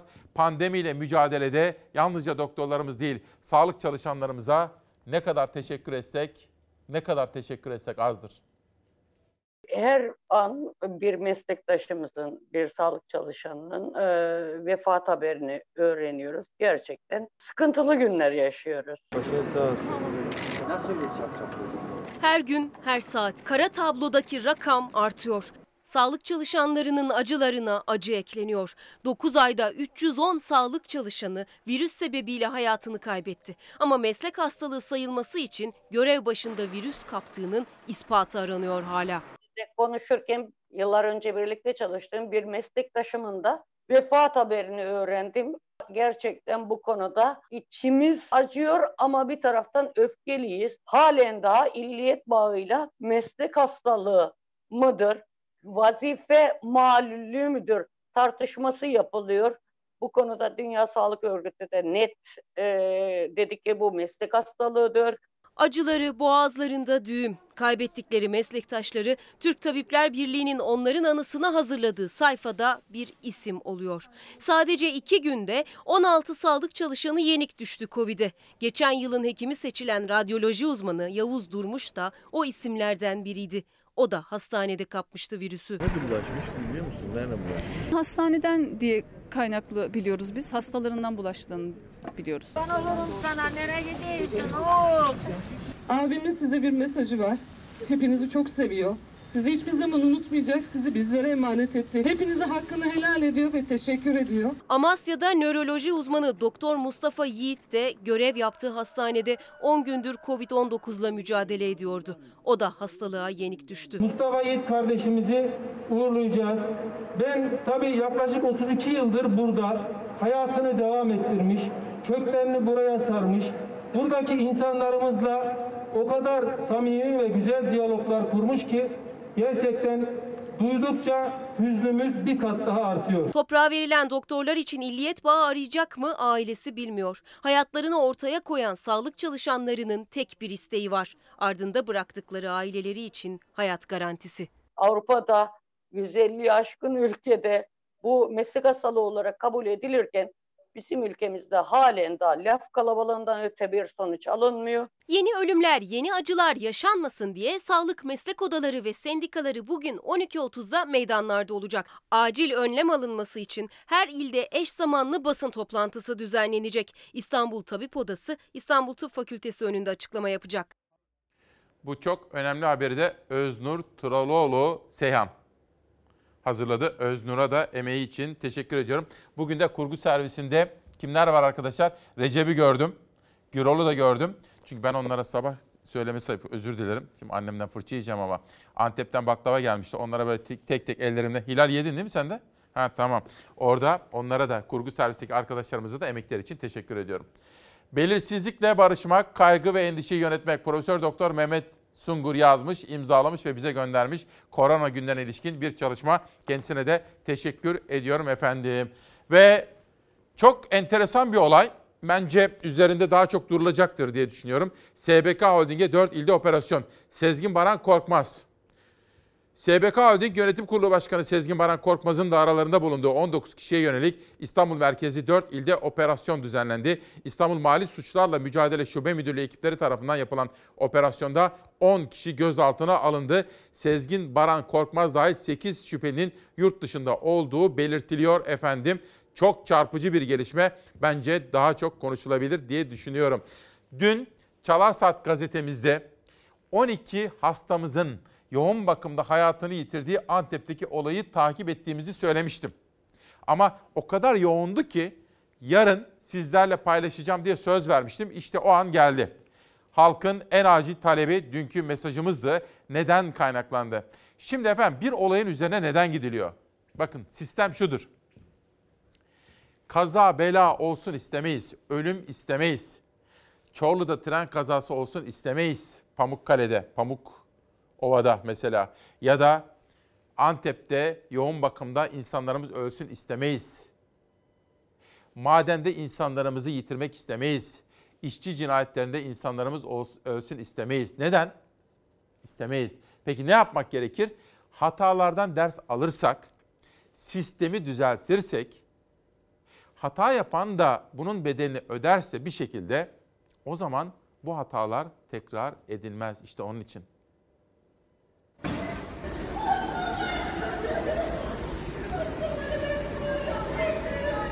Özellikle yoğun bakımda bizim yüksek akımlı oksijen vermek üzere daha çok kullandığımız bir cihazdan kaynaklanan sorunla yangının çıktığını biliyoruz. İhmal mi teknik hata mı tartışmaların gölgesinde yitip giden 12 can solunum cihazı neden patladı? Önlem alınabilir miydi? Çalar Saat'te İsmail Küçükkaya'nın konuğu olan Yoğun Bakım Hemşireleri Derneği Başkanı Ebru Kraner, tedbir sürekli kontrol. En önemli şartsa biyomedikal mühendisler dedi. Her, cihaz bu. Evet yoğun bakımda Hmm. olması gereken bir biyomedikal mühendisinin olması Yok mu? gerekir.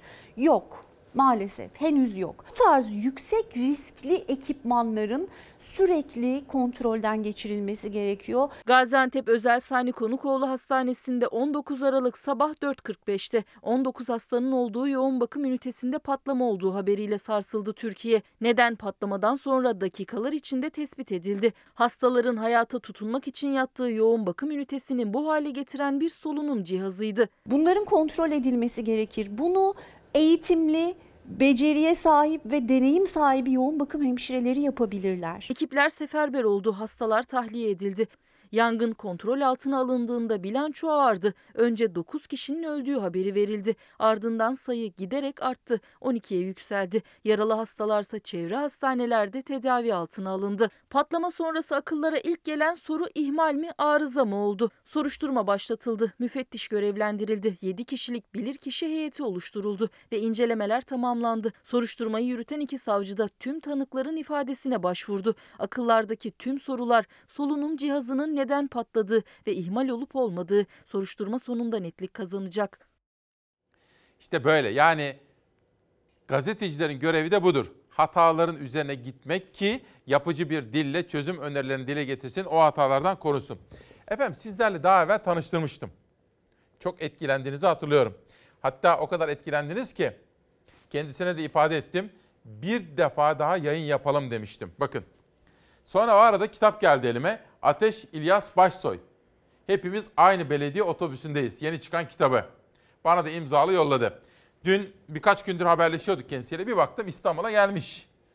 E ne yapacağız? Yakaladık, davet ettik. Hoş geldiniz. Hoş bulduk. Nasılsınız? Teşekkürler. Sizler nasılsınız? Çok teşekkürler. Bir soru. Bir seçmen ne ister, ne bekler?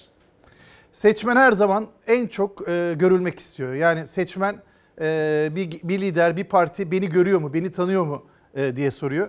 Bunu da e, görmenin yolu e, artık milyonlarca kişinin olduğu bir ülkede hani böyle bakarak gözümüzle görmek gibi olmuyor. Araştırma yapmakla oluyor.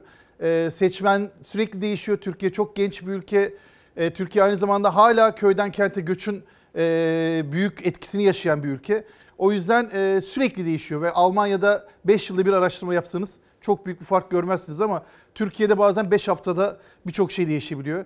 Böylesine e, enerji dolu bir ülkede e, seçmeni görmekte her zaman araştırma yapmak mümkün. Şimdi seçime gidiyorum, sandığa gidiyorum. Ben de bir seçmenim.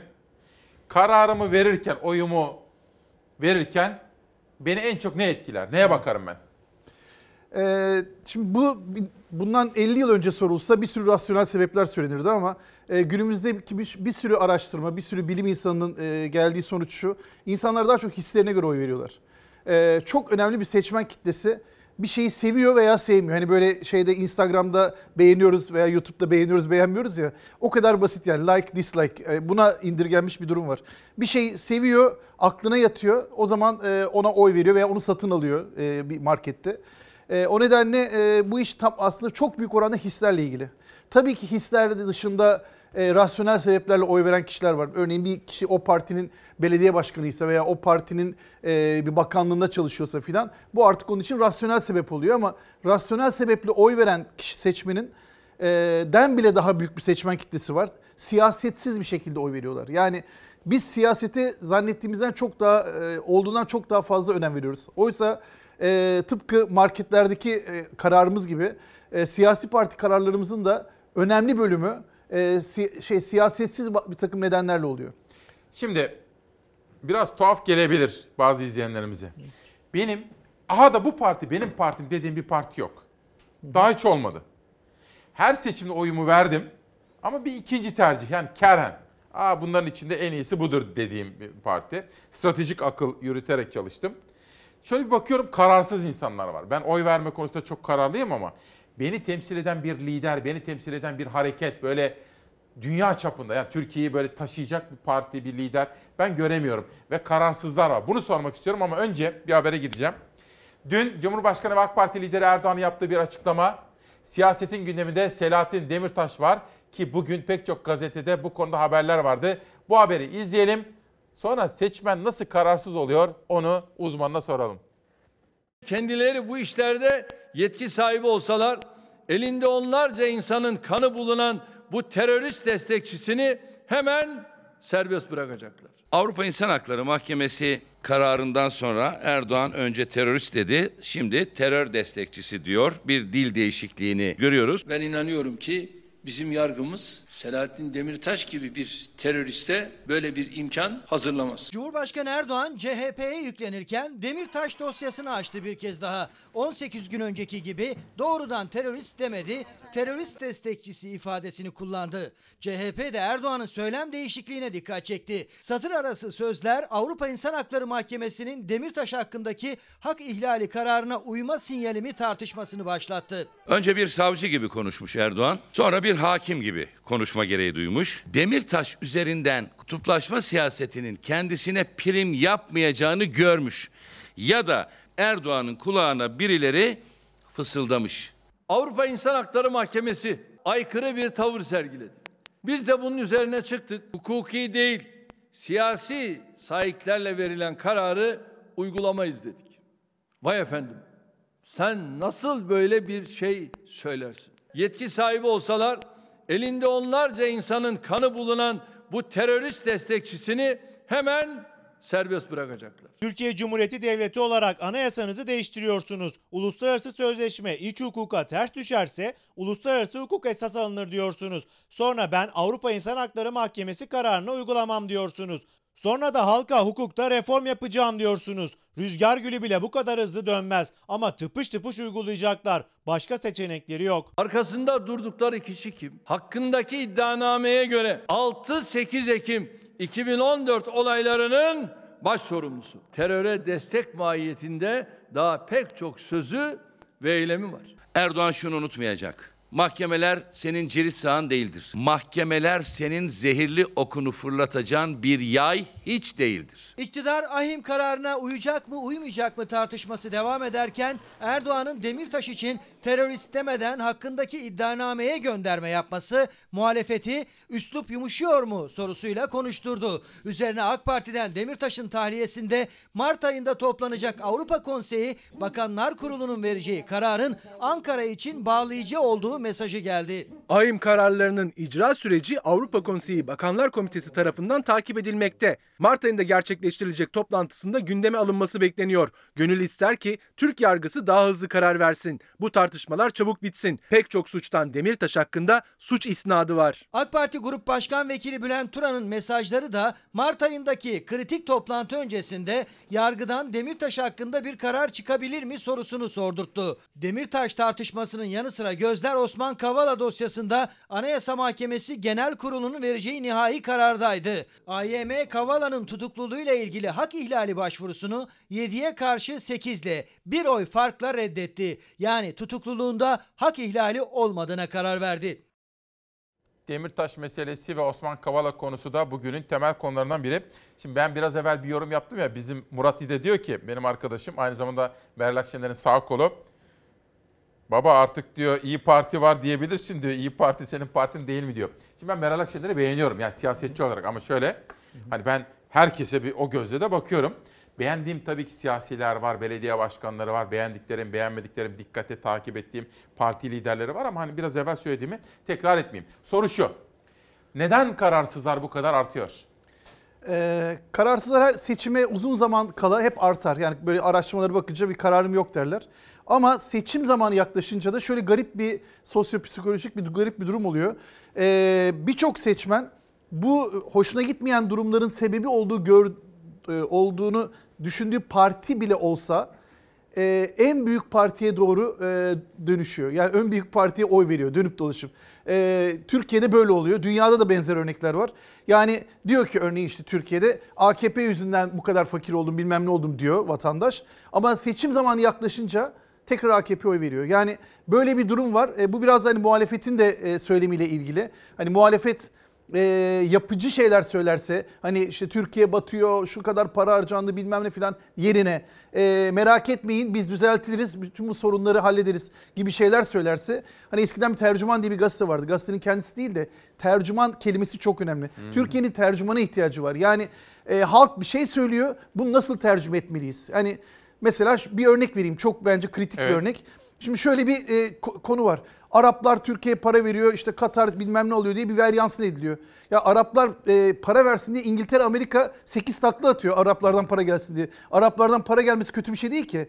E, şimdi sen böyle deyince vatandaş diyor ki eyvah diyor Türkiye'nin ekonomisi bu adamlardan gelen para yüzünden dönüyor diyor. Doğru veya yanlış hani e, seçmenin düşüncesi. E, muhalefet de sürekli bu konuya değiniyor. Demek ki bunlar iktidara gelirse bu ülkelerle ilişkimizi kesecekler biz de batacağız diyorlar. Yani e, kelime cümleyi zaman- tercüme ederseniz Ha. her şey ortaya çıkıyor aslında. Yapıcı bir dil. Evet yani biz, üslup. biz bütün bizde yatırım yapan komşu ülkelerimizde Araplar olsun, Amerikalılar, Almanlar olsun hiçbirisi ilişkimizi kesmeyeceğiz. Hepsiyle ticarete devam edeceğiz. Merak etmeyin derse örneğin Hmm. bu konuda. O zaman kahvedeki insanlar veya evdeki insanlar diyorlar ki ha bak bunlar gelecekler çözecekler bu konuyu. Yani veya daha iyi olacak. Umut vermesi gerekiyor. Umut vermesi ve e, telaşa sokmaması gerekiyor insanları. önemli. Korkutmaması gerekiyor.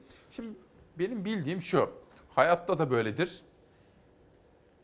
Siz kadının desteğini alırsanız, kadının gönlüne girerseniz, siyasette de böyle benim gördüğüm, başarıya ulaşıyorsunuz. Bu doğru bir tespit mi? Mesela Ee, siyasette bunun karşılığı nasıl? Siyasette örneğin Türkiye'deki kadınların çoğu e, Erdoğan destekliyor. Bu, bu da bir gösteri sonucu. Yani Türkiye'deki... Çoğu değil de yani- Kad- yok, çoğu. Kadın seçmenlerin çoğu Türkiye'de... Kaç? Yüzde kaçı? E, şimdi oran olarak söyleyeyim sürekli değişiyor ama... E, Ama bak bir bir şey söyleyeceğim. Kabaca yüzde kırklık bir partiden bahsediyoruz. İşte bu- Kadınların çoğu deyince Kad- toplumun yarısı Hayır hayır. kadın. E, A- AKP'ye verilen oyların çoğu O kadınlar. ayrı şey. Hani AK Parti'nin Evet. oyları içerisinde De kadın seçmen ağır. şey çok Bu benim fazla. de gözlemim. Evet, yani- AK Parti'yi başarıya taşıyan da kadınlar. kadınlar, Onu da söylüyorum. sokakta mücadele edenler de kadınlar. Şimdi anladım. Ama bu CHP'de de artık böyle oluyor daha Nasıl? günden güne. Nasıl? Ee, şimdi mesela bir insan kaynakları uzmanı geldi. Aylin Nazlı Aka geldi kadın e, e, şeyin başına. Kadın kolları başkanı. Bu çok önemli bir şey. Ee, ben kitabımda şunu yazdım. Ee, e, CHP'de veya AKP'de veya Bunda mı? MHP'de evet bütün partilerde kadın kolları vardır ya. Ben erkek kolları olsun diye öneriyorum. Çünkü sorun kadında değil erkekte. Türkiye'deki garip e, e, oturmamış bir erkeklik tanımı var ve bu kadınları siyasetin dışına itiyor. Yani ben e, kadın kolları yerine erkek kolları olsun veya gençlik örgütleri yerine yaşlılar örgütü olsun. Çünkü sorun gençlikte değil yaşlılarda, sorun kadınlarda değil erkeklerde diye düşünüyorum daha fazla olarak. Şimdi e, CHP adına konuşursak da e, CHP'de şu anda herhangi bir 22 yaşındaki bir genç kız e, üniversite bitirmiştir. İşte Sultanbeyli'de oturuyordur. ODTÜ'den mezun olmuştur kendi emeğiyle. Aylin Nazlı Akay'a bir mektup yazabilir ve o e, CHP'de etkin bir hale gelebilir. Geçen e, konuşmada da yapmıştık ya bir 63-64 tane ballı belediye var CHP'de. Bunların içinde işte Murat Paşa gibi, Çankaya gibi e, Beşiktaş gibi. Beşiktaş gibi araştırma sonuçlarıyla görevini çok iyi yaptığı anlaşılan veya işte seçimlerde oylarını hala arttıran e, insanlar bunları ayır iyi, iyi olanları ayırıyorum. Ama birçoğu e, performans değerlendirmesinde geride kalıyor ve bunların bir tanesine bile kadın aday gösterilmedi. Ben bir vatandaş olarak siyasetle bir ilgim yok. E, siyasetin herhangi bir yerinde değilim. E, seçim kampanyası da bana verilen süre kontrat kadar seçim kampanyası yaparım. Ama vatandaş olarak e, kadınların siyasete dahil olmasını özellikle de Cumhuriyet Halk Partisi gibi partide kadınların çok çok daha önde olması için e, elimden geleni ardıma koymayacağım. Buradaki konuşmamın da önemli kısmını ona aktarıyorum. Şimdi hani ben tabii sadece CHP filan anlamda değil. Mesela İyi Parti'de de bir kadın var. Hı hı. İşte AK Parti kadınlara dayalı bir teşkilatlanma modeli de izliyor. Hı hı. Şunu merak ediyorum. Seçmen nasıl değişiyor? Mesela 2020 yılında pandemi var, işte yoksulluk var, gelir dağılımı sorunları da yaşıyoruz. Bana biraz seçmen anlatır mısınız? Şimdi biz bizim yaşlarımızda olan insanlar bizden e, 200 yıl önceki olan insanlardan çok farklı bir hayat yaşamadık. Yani biz biraz farkımız televizyon izliyorduk. E, ama televizyon da hayatımızda çok fazla değildi. Günde 3 saat yayın vardı. Biraz o kadar farkımız vardı. Şimdiki şu anki gençlere bakın, kendimize de bakın. İnsanlar delirmiş gibi ellerinde telefon, Instagram'dan TikTok'a, işte Snapchat'ten e, WhatsApp'a sürekli koşup böyle artık zombiye dönmüş insanlar. Hani herhangi bir şu an doğan çocuklar, şu an 14 yaşında olan bir genç kız veya bir genç erkek normal bir insan gibi yaşamıyor. Yani e, binlerce yıldır insanın yaşadığı gibi yaşamıyor. Kafası hep başka yerde. Şimdi bu kafası hep başka yerde olan insanlar e, yarın oy kullanma yaşına geldiklerinde geçmişleri de yok. Hep bunlar büyüdüler. Bunlar doğduklarında Instagram vardı, Facebook vardı. Ve şimdi pek yakında oy verecekler. Bu kuşak kararlarını e, herkes merak ediyor bu kuşağın kararlarını. Bu kuşağı biz e, geçmişteki siyasi kodlarla, geçmişin siyasi ayrımlarıyla e, yönetmemiz, heyecanlandırmamız veya işte siyasete çekmemiz çok kolay olmayacak. O yüzden Türkiye gibi genç nüfusu olan ülkeler birazcık şey sürprizlere hazır olmalı. E, İngiltere gibi dünyanın en çok eğitime önem veren hani yüzyıllardır sanayi devrimi başladığı bir ülkede bile e, çok abuk sabuk e, seçim sonuçları olabiliyor. Sürpriz olan. Amerika'da keza. Yani Türkiye'de bu işler e, önümüzdeki dönem genç nüfus var. Eğitime zaten ne kadar önem verildiği ortada. Ve bütün dünya gençliği gibi Türkiye gençliği de doğduklarından beri Instagram'la, Facebook'la, Twitter'la, TikTok'la filan büyüdüler. O zaman- bu çocuklar e, bizim kodlarımızdan çok farklı bir şekilde Peki kararlar alacak. şimdi ama bu gençler oy da kullanacaklar. Ve her geçen yıl 18 yaşını doldurup oy kullanacak genç sayısı da artıyor. Ne yapacak partiler o zaman? Bunları çekebilmek için ne yapmalı? E, işte e, bu partiler artık e, yavaş yavaş bu değişime ayak uyduramayan partiler yerlerini yeniden bırakacaklar. Yani ve zaten bırakıyorlar. Yani parça parça gençlere bakınca oylar azalıyor. Yani parti 10 yıl önce gençlerden aldığı oyla şu anki oy aldığı arasında çok fark var ve anlayamıyorlar çünkü hep yaşlılar. Türkiye'deki şeyin başındaki insanlar, partilerin başındaki insanlar 70 yaşın üzerinde, 70 yaş civarında. O yüzden anlamamaları da doğal. Ne peki ne yapsın? e, bu- Bir bunu- parti bunu almak için, bu gençleri almak için ne yapacak? İşte bu gençleri almanın yollarını arayacak. Çok buna çalışacak. Kafayı buna takacaklar. Yani eğitime takacaklar. Bu konuda bir sürü akademisyen var. İşte Selçuk Şirin gece gündüz bununla ilgili konuşuyor. Yani bu nüfusu anlamanın kodları bizim bildiğimiz kodlarla mümkün değil. Bizim işletim sistemimizi kullanmıyorlar. Bizden farklı bir işletim sistemi kullanıyorlar. Yani biz hala işte Windows'la e, iOS'u çözemeyiz. Yani başka bir dünyadalar. Peki. Şimdi bir tweet vardı Ali Babacan. Dün tam gününe denk geldi. Dün Ali Babacan'ın partisi ilk kurultayını yaptı. Erken seçim olursa diye yasal mevzuat gereği partisinin kongresini tamamladı ki seçime katılabilsin diye. Şimdi sizin için seçtim bunu. Ezilenler iktidar gücünü eline alınca değişti. Başkalarını ezmeye başladı. Biz ezilmenin ne olduğunu iyi biliyoruz. Ezilmenin ne olduğunu iyi bilenler başkasını ezmez arkadaşlar diyor. Şimdi yoksulluk, gelir dağılımı sorunları, ezme ezilme meselesi ve siyaset. Yani siyasete başlayan e, veya işte ilk adımını yapan her lider aşağı yukarı böyle konuşuyor. İlk anda herkes Kürtlerin dostu oluyor. İlk anda herkes yoksulların dostu oluyor. Ama sonra iktidar ellerine gelince bu sözleri sonra biz 20 yıl sonra bakın sen böyle demiştiniz diyoruz. Yani umarım yanıltır. E, Ali Babacan e, iktidar olsa bile bir gün e, her zaman ezilenlerden yana davranmaya e, devam eder. O yüzden hani gelecek için şu anda itham etmek e, doğru olmaz bir insanı. E, şu anki haliyle iyi niyetli sözler. Ama e, geçmişte gördük ki bu sözlerle iktidar olanlar e, hemen unutabiliyorlar. Bir Ali olunca. Babacan haberi vardı. Hazır mı Hilal? Bir izleyelim lütfen. Ülkemiz çok zor ve karanlık günlerden geçti. Çok acılar yaşadı. Her birimizin hafızasında yürek parçalayan hikayeler var. Her dönemde farklı kimliklerin ezildiğine, farklı kesimlerin mağdur edildiğine tanık olduk. Ama hiçbir zorluk umudumuzu kaybetmemize neden olmadı. Hiçbir karanlık sonsuza kadar sürmedi. Benim siyasete girdiğim zamanlar da yine değerli arkadaşlarım böyle acıların yaşandığı günlerdi. Türkiye'nin bir dönemde elde ettiği kazanımlara katkı vermiş olmak benim için hayat boyu taşıyacağım bir onurdur. Gelelim bugüne. Bugün o siyasete ilk, girdi, ilk girdiğim günün üzerinden neredeyse 20 yıl geçti. Ve maalesef şimdi de bambaşka bir baskı dönemindeyiz. Adeta ezilenler iktidar gücünü ele alınca değişti. Başkalarını ezmeye başladılar.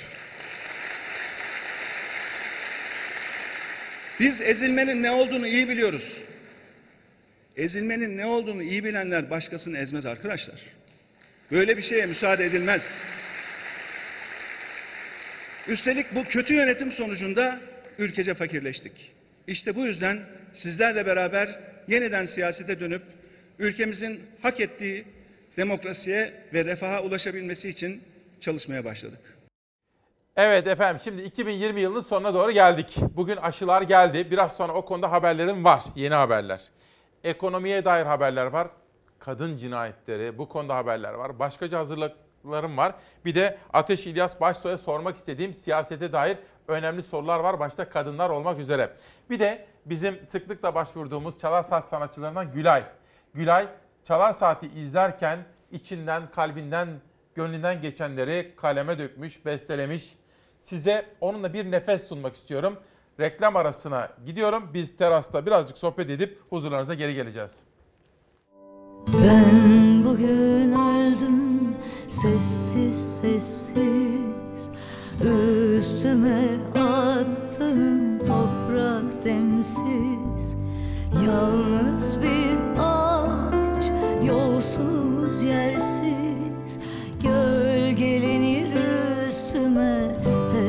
kadersiz. Yollara düşmüş hep eşim dostum. Bir avuç toprak mı sağım solum Koynuma aldım beyaz kefen. Böyle mi olsaydı benim sonum? Geceden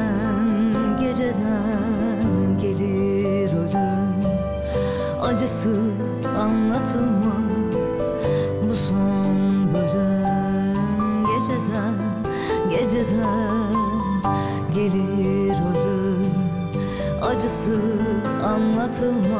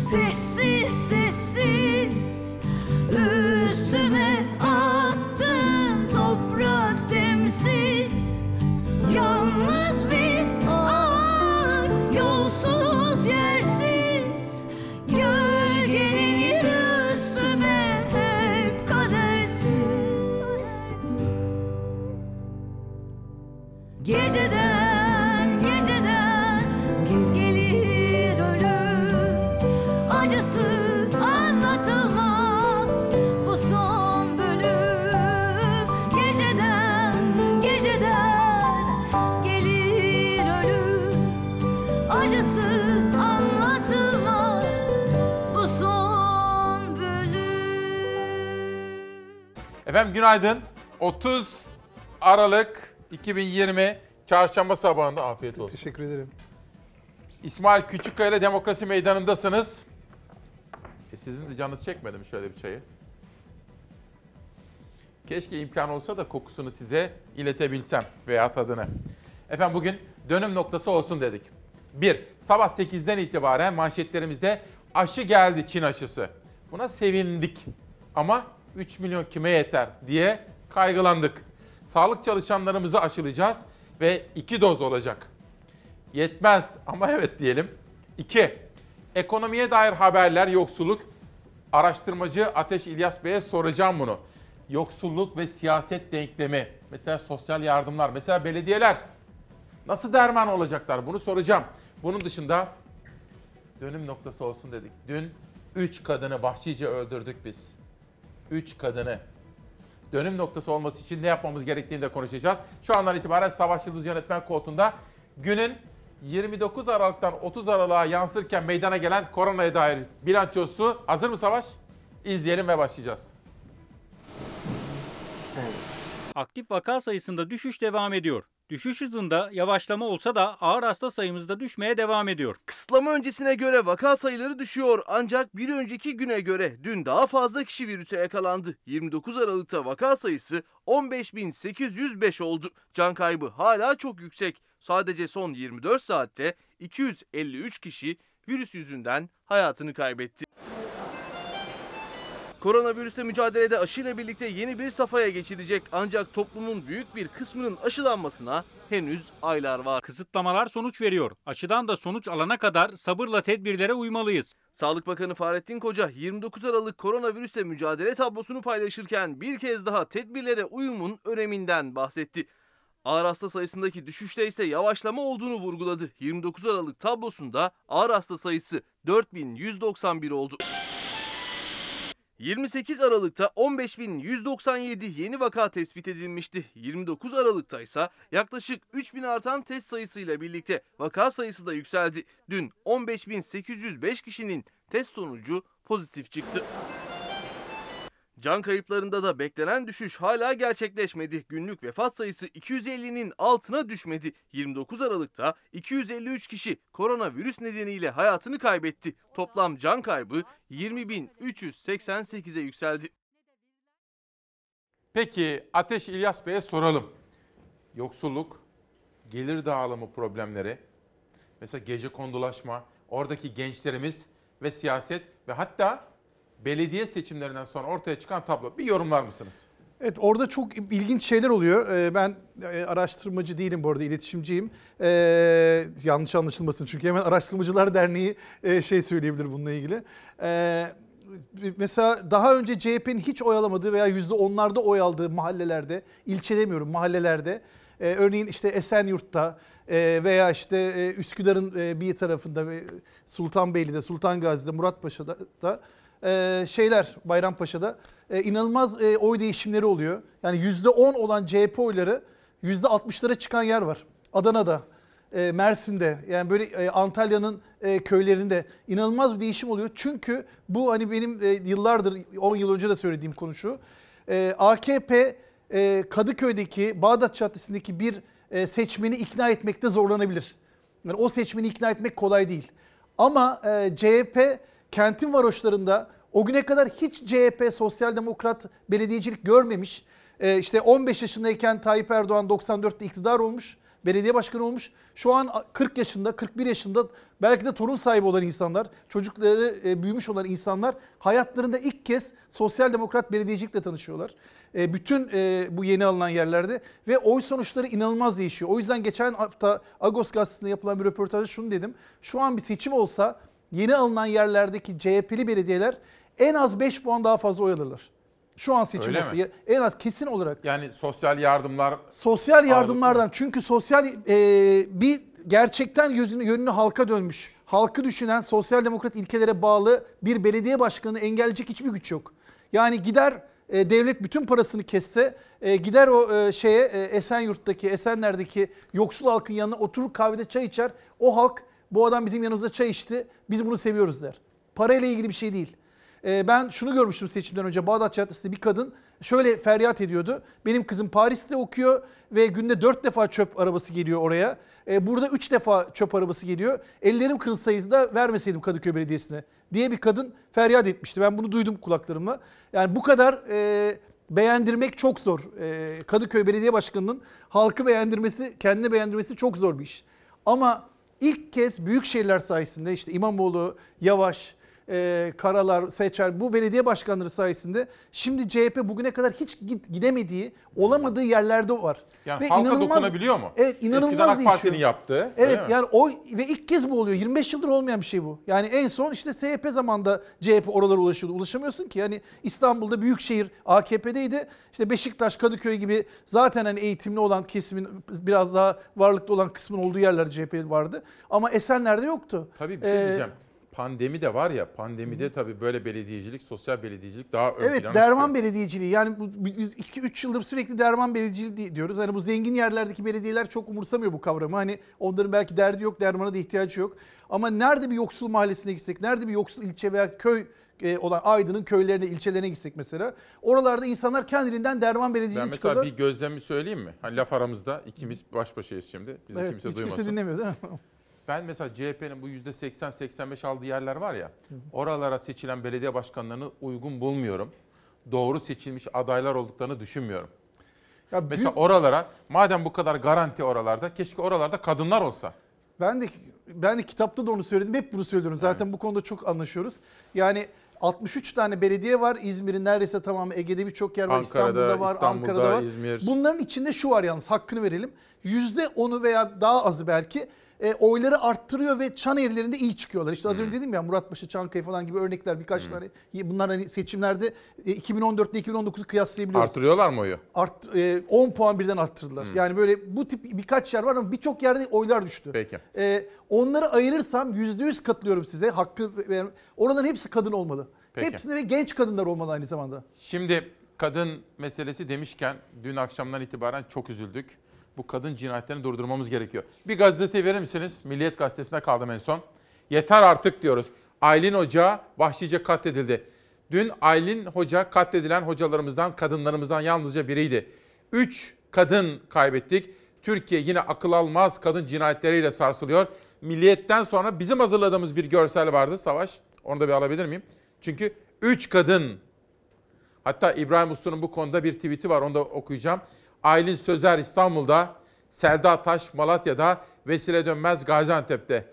Ve Selda Taş eski eşi tarafından öldürüldü. Vesile Dönmez oğlu tarafından öldürüldü. Aylin Sözer de işte yine bir başka vahşi tarafından öldürüldü. Bu haber hazır mı? İzleyelim. Hepinizi çok seviyorum. Zaten bunu bilmiyorum gösterebildim mi ama. Bir günde 3 kadın katledildi. Aylin Sözer'in öldürülmesinin ardından peşi sıra geldi haberler. Aylin Sözer önce bıçaklandı sonra evi yakıldı. Gaziantep'te Vesile Dönmez önce rehin alındı sonra vuruldu. Malatya'da ise şiddetin kurbanı Selda Taş oldu. Türkiye bir günde 3 kadının vahşice öldürülmesine tanıklık etti. Malatya'da yaşayan Selda Taş, eşi Mehmet Taş tarafından vuruldu. Ağır yaralandı, hastaneye kaldırıldı ama yaşama tutunamadı. Tutuklanan eş Mehmet Taş'ın uyuşturucu, yaralama, tehdit, ailenin korunması gibi suçlardan 38 ayrı suç kaydı olduğu ortaya çıktı. Gaziantep'in İslahiye ilçesinde ise Uğur Dönmez annesi Vesile Dönmez'i rehin aldı. Belediye başkanı ve ilçe emniyet müdürünün 3 saat süren ikna çabaları durduramadı Uğur Dönmez'i. Evden gelen silah seslerinden sonra içeri giren ekipler Vesile Dönmez'in cansız bedeniyle karşılaştı. Uğur Dönmez'in uyuşturucu ve alkol problemlerinin yanı sıra psikolojik rahatsızlığı olduğunu dile getirdi mahalleli. Ölümün göz göre göre geldiğini de söylediler. Cuma günü gelmişti. Bunu bizi öldüreceğini söylüyordu. Yani öldüreceğini Evet, beyan bizzat etmişti. yanıma geldi ve öldüreceğini söylüyordu. İstanbul Maltepe'de eski erkek arkadaşı Kemal'de önce bıçakladı ardından cinayeti hırsızlıkmış gibi göstermek için evi ateşe verdi. Katledilen akademisyen Aylin Sözer'in öğrencilerine verdiği öğütlerse yürekleri burktu. Ben hepinizin içine kocaman kocaman güzel güzel şeyler koydum. Bunun içinde bilgi var. Bunun içinde ilgi var. Bunun içinde saygı var. Bunun içinde her şey var. En çok da meslek aşkı var. Mesleğine aşıktı. Eğitim fakültesinde okul öncesi öğretmenliği bölüm başkanlığı yapıyordu Aylin Sözer. Okul öncesi çağdaki çocuklara eğitim verecek gencecik öğretmenler yetiştiriyordu. Öğrencileriyle yaptığı bir kutlamada çekilen görüntülerde Sözer koluna altın bilezik taktığı mezunlarına öğütler veriyor. O çocukları benim sizin ellerinizden öptüğüm gibi öpeceksiniz. Hayatlarına dokunacaksınız. Onların yaşamlarında çok şey değiştireceksiniz. Her birinize o kadar çok güveniyorum ki. Ne kadar acı değil mi? Şu anda görüntüler gelmeye başladı. Katil zanlısı ile ilgili verelim. Şu anda gördüğünüz görüntüler yeni. Katil zanlısının Aylin hocamızı vahşice öldüren katil zanlısının vahşetin görüntüleri bakın. Aylin Sözer öğretmenimizi öldürdü. İşte şu andaki görüntüler. Polis hemen bunları ele geçirdi. Bakın. O eve girerkenki görüntüler efendim. Bakın başında kapşon var fakat zor da yürüyor. Bir, bir tuhaflık var. Şimdi bir daha izleyelim. Aylin Sözen'i vahşice öldüren bu kişi sanki biraz zor yürüyor gibi ama bilmiyorum numara mı yapıyor yoksa önceden planlayıp da buna göre bakın çünkü başında kap, kapşon var.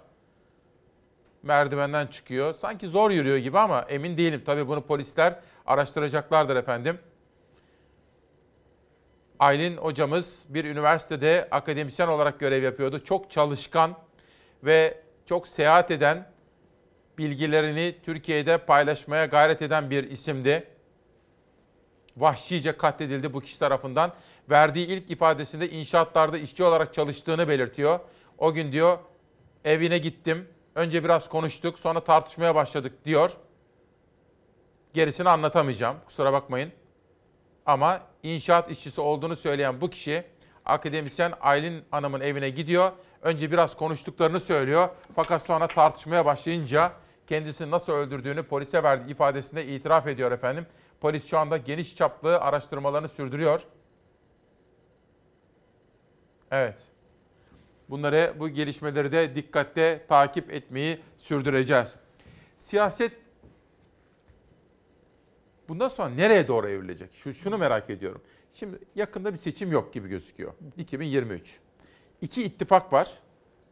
Bir taraftan AK Parti, MHP, işte Aydınlık grubu da destekliyor. Bir taraftan işte CHP, İyi Parti, Saadet, işte HDP dışarıdan destekliyor. Çok çaktırmıyorlar ama yani böyle bir, bir durum var. Nereye doğru gidiyor sizce? Valla şu dönemde e, baktığımda e, Meral Akşener'in e, kendi e, yeteneğinden mi diyeyim veya kendi e, isteklerinden mi diyeyim bilmiyorum ama İyi Parti'de e, bir eğitim programları var. Mesela bunlar benim hoşuma gidiyor. Yani İyi, HDP iyi eğitimli seçmenini Şimdi İyi Parti'de görüyorum bu. Bir e, kendi gençleri özellikle Zoom falan bunlar çok iyi buluşlar. E, ve bunlar sayesinde insanlar e, çok rahat bir şekilde bir araya geliyorlar. E, orada bir eğitim şey Mansur Yavaş'ın işte yaptıklarından görüyoruz. Yani orada e, sol kesimin baktığı klişelerle dar dar kalıplarla olmayan bir hareketlenme var şu anda. Aynısını ben CHP'de de olmasını isterim. Yani CHP'den insanlarla konuştuğumda şunu sor- soruyorum. Biz hani e, şu an baktığımızda ne diyoruz? E, Tayyip Erdoğan, ondan önce işte Ecevit vardı, Demirel vardı, Tansu Çiller falan vardı, Menderes vardı, İnönü vardı, Atatürk vardı bir yüzyıl geriye gidebiliyoruz. Atatürk nasıl gidiyordu? Bunu sorduğumda herkes şaşırıyor. Yani Atatürk çocukken, şimdi 18 yaşındaki bir çocuğa sorduğumda o sayı, geriye doğru sayıyor e, Türkiye'nin Cumhuriyet tarihindeki liderlerini. Peki diyorum Atatürk nasıl bakıyordu senin yaşındayken? Atatürk baktığında 3. Selim vardı aradakileri saymazsak kısa dönemleri. 2. Mahmut vardı. İşte Abdülaziz, Abdülmecit, Abdül, Ab, e, şey, Abdülhamit. 5 tane e, liderle 120 yıla e, gel, gelmiş Atatürk'ün zamanında 4-5 tane isimle e, Atatürk geçmişe bakabiliyordu. Şimdi biz bu padişahları ne yaptıklarını, Türkiye'yi nasıl değiştirdiklerini bilmiyoruz. CHP seçmenine sorduğumda hiç karşılaştırma tarih bilmiyor. Yani AKP seçmeni de bilmiyor tabii. Hiçbirisi bilmiyor ama CHP seçmeni bilmesi gerek. Ben... Aslında mesela ben, benim söylediğim şey şu. Hani bazen kutuplaşmış toplumda sizi bir yere konumlamaya çalışıyorlar. Mesela ben diyorum ki İkinci Abdülhamit de bizim. Hı hı. Gazi Mustafa Kemal Atatürk de bizim. Biz Cumhuriyet kuşaklarıyız şimdi. Evet. Ama o da benim bir tarihimin bir parçası. E on... Gayet tabii ki ben Atatürkçüyüm. Hı hı. Atatürk benim rol modelim. Devletimi kurmuş büyük bir lider. Ama Osmanlı da benim, Cumhuriyet de benim. Bunu ön plana alabilen Atatürk bir yaklaşım. Osmanlı'nın okullarında okudu. Osmanlı'nın subayı da en üst düzey bürokratıydı. Yani burada demek istediğim şey e, boş insanı istediğin yere çekersin. Doldurmak gerekiyor. Hazır şu an seçim falan yokken bütün partilerin dönüp e, bir eğitim seferberliğine girmesi gerekiyor. Özellikle gençler şu anda ne yapacağını bilmezken, bir müfredata e, bağlanmışken biz bunlara karşılaştırmalı tarih, felsefe, mantık dersleri diyoruz ya kaldırıldı felsefe, mantık. E, kaldırıldıysa şu an CHP'nin elinde e, Türkiye'nin en zengin belediyeleri var. Bu belediyenin inanılmaz bir beşeri ve maddi gücü var. Onları zorla ve e, bütün gençlere böyle eğitimler verirsin. Var bu insanlar. Bu hocalar duruyor ortada. Çoğu hiçbir iş yapmadan duruyor bu hocaların. Peki. Şimdi Savaş o görüntülerle ilgili çok soru geliyor. Bir de hani ben sizlere Savaş Aylin Hoca'nın bir doğum günündeki sesini yansıtmıştım. Şimdi Aylin Hoca katledildi vahşice. Ama ben dün bu konuda çalışmalarımı yaparken onun bir doğum gününde pasta keserken arkadaşlarına, öğrencilerine nasıl hayat dersi verdiğini, nasıl yaşam enerjisi aşılamak istediğini görmüştüm. Çok etkilenmiştim. Arkadaşlarımdan rica ettim. Onu da bir izleyelim.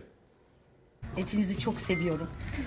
Zaten bugün bilmiyorum gösterebildim mi ama gösterdiğim içeride olanın onda biri değil. Onu bilin. Belki de yüzde biri. Ay geliyor bana bir şeyler. Sus. kırmızı saçlı prenses. Ben e, bu mesleği ne kadar büyük bir aşkla yapıyorsam eminim ki hepiniz aynı aşkla yapacaksınız. O çocukları benim sizin ellerinizden öptüğüm gibi öpeceksiniz. Hayatlarına dokunacaksınız. Onların yaşamlarında çok şey değiştireceksiniz. Her birinize o kadar çok güveniyorum ki. Her birinize o kadar çok inanıyorum ki. Bütün silahları donandınız. Çıkacaksınız ortalığın tozunu dumana attıracaksınız. İnşallah. İster iş bulun ister bulmayın. Ben hepinizin içine kocaman kocaman güzel güzel şeyler koydum. Bunun içinde bilgi var. Bunun içinde ilgi var. Bunun içinde saygı var. Bunun içinde her şey var. En çok da meslek aşkı var. Nasıl benden gördüyseniz o aşkı ömrünüz boyunca devam ettirin. Sakın unutmayın. Hayatta bir çocuğun hayatına dokunmaktan daha güzel hiçbir duygu yoktur. Ve her hayatınıza dokunduğunuz çocukta bunu tekrar tekrar yaşayın. Allah sizi bu mesleği yaparken mutlu, uzun ömürlü ve hep daim etsin. Hepinizi çok seviyorum. Hepinize elimi verdim. Hepimiz için hayırlı uğurlu olsun. Bu beraberliğimiz, bu birlikteliğimiz hiç bitmesin. Ben susmam biliyorsunuz kapı keserim.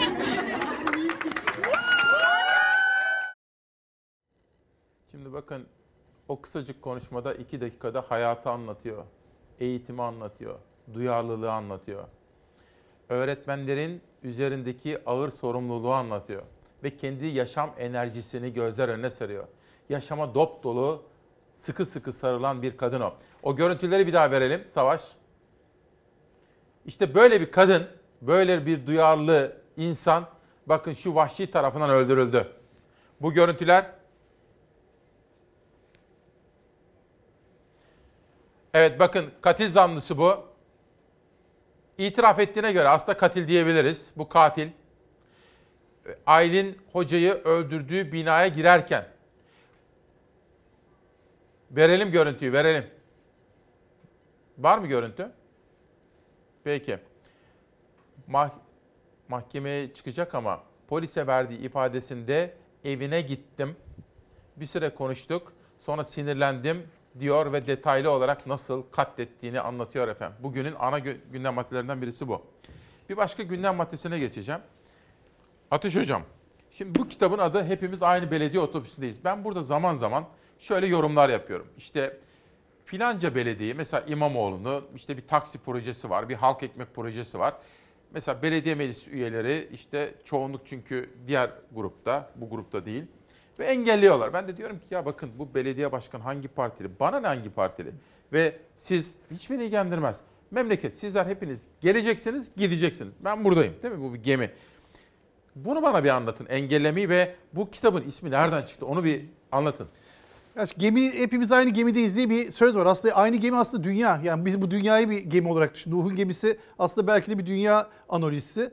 Ee, bir sonsuz bir uzayda bir ufacık bir gezegende bir yaşayıp birbirini öldüren, birbirine savaş yapan, birbirine tahammülsüz insanlardan oluşan milyarlarca kişiyiz. Türkiye'ye bakınca da Türkiye'de benzer bir durum var. Particilik hiç önemli bir şey değil. Yani aynı parti içinde fesat insan da olur, e, iyi niyetli insan da olur e, güzellik isteyen insan da olur, kendi cebinin çıkarını düşünen insan da olur. Biz partilere göre ayrılmıyoruz. Karakter özelliklerimize ve yaptıklarımıza göre ayrılıyoruz. E, ve her sabah insanlar otobüslere biner. Korona zamanında da binerler. Hani her ne kadar bazı insanlar bilmese de e, insanlar okullarına gidiyor, mecburen işine gidiyor, e, geçimini sağlamak için çabalıyor. Ve o yan yana oturan insanın biri MHP'li, biri HDP'li. Yan yana aynı yerde oturuyorlar. Peki biz otobüslerde omuz omuza yan yana duruyorsak neden iş siyasetine gelince birbirimize böyle güzel. düşmanlık yapıyoruz? Yani e, bu ülke hepimizin ülkesi, bu dünya hepimizin dünyası değil mi? Hani biraz bunları bıraksak da hani biz artık birbirimize rekabet edeceğimize işte Güney Kore ile rekabet etsek, Kanada'nın bir yaptığı bir şeyi biz de yaparız desek, biz matematikte e, neden işte İspanya'nın gerisindeyiz desek, e, bütün bunlar illa yarışacaksak güzel yarışlar da var. Birbirimizi boğazlayacağımıza, birbirimize düşmanlık yapacağımıza işte radikal sevgi dediğimiz de bu belki. Yani e, bir sevgiyle e, yaklaşsak herkes birbirine, herkes birbirine dediğinde bir anlam vardır. Ben şimdi bunu hemen yargılamayayım dese e, birçok şey değişir ve burada da e, partilerin öncülük yapması gerekiyor. Hangi parti buraya eğrilirse, hangi parti bunu söylerse o parti kazanıyor. Şu doğru mu hocam? Bu yeni gelen belediye başkanları var ya işte Mansur Yavaş, Ekrem İmamoğlu, Vahap Seçer, Zeydan Karalar işte hepsi tek tek söyleyemiyorum. Muhittin Tunç, Böcek. Tunç Soyer, Muhittin. Böcek. Bu yeni ittifakın adayları. Bunlar başarılı olursa bir sonraki seçimde iktidarın değişme ihtimali artar. Bunlar başarısız olursa iktidar devam eder gibi bir genelleme doğru mu? Yani bu kesinlikle doğru ve aynı zamanda başarısız olma ihtimalleri pek yok. Az önce Neden? söylediğim sebepten ötürü. Çünkü e, kentin varoşlarında hayatları boyunca sosyal demokrat belediyecilik görmemiş ve e, sos, yani bu konuda bunlar gelince bize yardım etmezler. Hala 1970'lerin 80'lerin klişeleriyle düşünen, düşünmeye zorlanan canımız kanımız tatlı kardeşlerimiz var. Yani AK- AKP seçmeni. Ben bunları acayip önemsiyorum. Bu AKP seçmeni, kent yoksulları aslında kentin bütün yükünü çeken çok değerli insanlar. Bu kentin varoşlarında yaşayanlar. Bu varoşlardaki kardeşlerimiz ilk kez zannedildiği gibi olmadığı, onlara öğretildiği gibi olmadığını ve karşılarında gerçekten onların e, sağlığı için, onların dertlerine derman olmak için çabalayan, gece gündüz e, koşturan belediye başkanları olduğunu görüyorlar. O yüzden e, dedim ya inanılmaz bir şey yani yüzde tarih boyunca yüzde 10 almış mahalle, CHP yüzde 10 almış. Şu an yüzde 60 alıyor. Şu an yani bunlar kent çepel, biz bunları kent merkezinde görmüyoruz. Bizim hayatımızda pek bir şey değişmedi. Biz pek anlamıyoruz. Biz belki diyoruz ki Ekrem İmamoğlu neden bizim mahallemize gelmiyor? Ben diyorum ki Ekrem İmamoğlu bizim mahallemize gelmesin. 5 yıl boyunca görmeyeyim Ekrem İmamoğlu'nu. Ben bu adama e, Mansur Yavaş'a, İmamoğlu'na, Zeydan Karalar'a zorluk çıkartmayayım. Bu insanlar kentin kenarların mahallelerindeki insanlara ulaşmaya çalışıyorlar. Onlara ulaşsınlar, bize ulaşmasalar dert değil. E, ben burada bir e, şey göstermek istemiyorum. Hani kibir veya işte onları ben seçtirdim size e, vatandaş olarak konuşuyorum. E, o yüzden bana gelip hizmet yapacak, bana hizmet yapmasa da olur. Hiç umurumda değil. Gitsin e, şeydeki Esenyurt'taki e, veya işte avcıların üstlerindeki kardeşlerimize yardım etsinler. Onlar orada ne kadar varlarsa ben burada vatandaş olarak o kadar Çok memnunum. enteresan. Önemli. Son bir soru soracağım. Sizi bir lider çağırsa, Ateş İlyas Bey dese, ben iktidar olmak istiyorum dese ya da iktidarım iktidarda kalmak istiyorum dese, ona kısaca ne tavsiye ederdiniz? Böyle işin ABC'si, kitabı tam böyle ortadan açsanız. Ya ben böyle seçim kazanma, başarı falan gibi şeylere böyle biraz mesafeli bir sözcüyüm. Ben, ben de seçim kazanılması için değil aslında e, insanlık kazansın, e, her- herkes kazansın diye uğraşıyorum. Yani diyalojik iletişimin temeli de o. Herkesin kazanacağı formül var. Öyle bir formüller bulunabilir ki bundan AKP de kazanç çıkabilir, HDP de kazanç çıkabilir. Yani siyasetin her iki tarafındaki kutuplardaki bütün insanlar kazanç çıkabilir. Gelin bunları konuşalım. Bunun yolunda konuşmak sen teröristsin, sen hırsızsın, sen e, şerefsizsin filan diye o çok basitçe söylenen slogan laflar e, aslında bizi zorluyor. Çünkü diyemeyiz. Yani CHP de AKP'ye karşı diyemez bazı lafları. Çünkü sonuçta %50 te- halk temsili var. Ama öte yandan AKP de %13 e, oy almış ve e, bu 10 milyon demek çocuklarıyla beraber 10 milyon kişinin oy verdiği bir kişi hapiste tutamaz. Yani bunlar e, şey... E, Bunlar hep ülkeyi e, Yani patinaja siyaseten sürüklüyor. hapiste.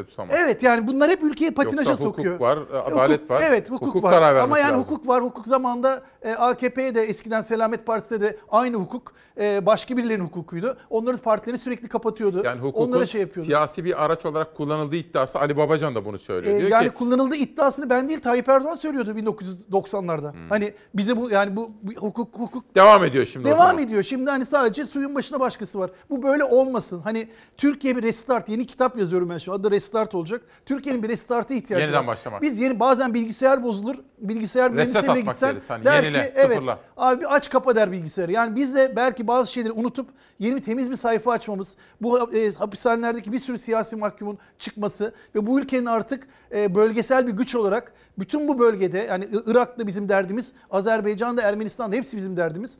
Bütün bu ülkelerin bir arada olacağı bir model haline gelmeliyiz. Biz bu 1912 ile 1918 arasındaki 6 yılda şu koca ülke darmadağın olmuş. O 6 yılın kurallarını hala yaşıyoruz. Ee, gelin bir 100 yıl sonra biz tekrar bir arada olmanın yollarını arayalım. Herkes bundan kazanır derim. Herhangi bir parti lideri gelse. Ateş İlyas Bey çok teşekkür ediyorum. Bu kitap içinde imzalı geldi. Ateş İlyas Başsoy. Kendisine çok teşekkür ediyorum. Ha görüntü geldi mi? Bir daha izleyelim efendim. Vahşice işlenen cinayete dair görüntüler bakın. Polis ifadesini aldı. Şu anda bu kişi gözaltında akademisyen Aylin Sözer'i vahşice katleden bu kişi şu anda gözaltında ve Aylin Sözer'in evine gittiğini söylüyor. Bir süre sohbet ettiklerini, sonra tartışmaya başladıklarını söylüyor ve vahşice işlediği cinayete ilişkin detaylar aktarıyor. Bakın bu bence şu da olabilir. Yani zor yürüyor gibi ama belki de tamamen planlı. Bakın başında kapüşon, yüzünü belli etmemeye çalışıyor, yüzünü kapatıyor.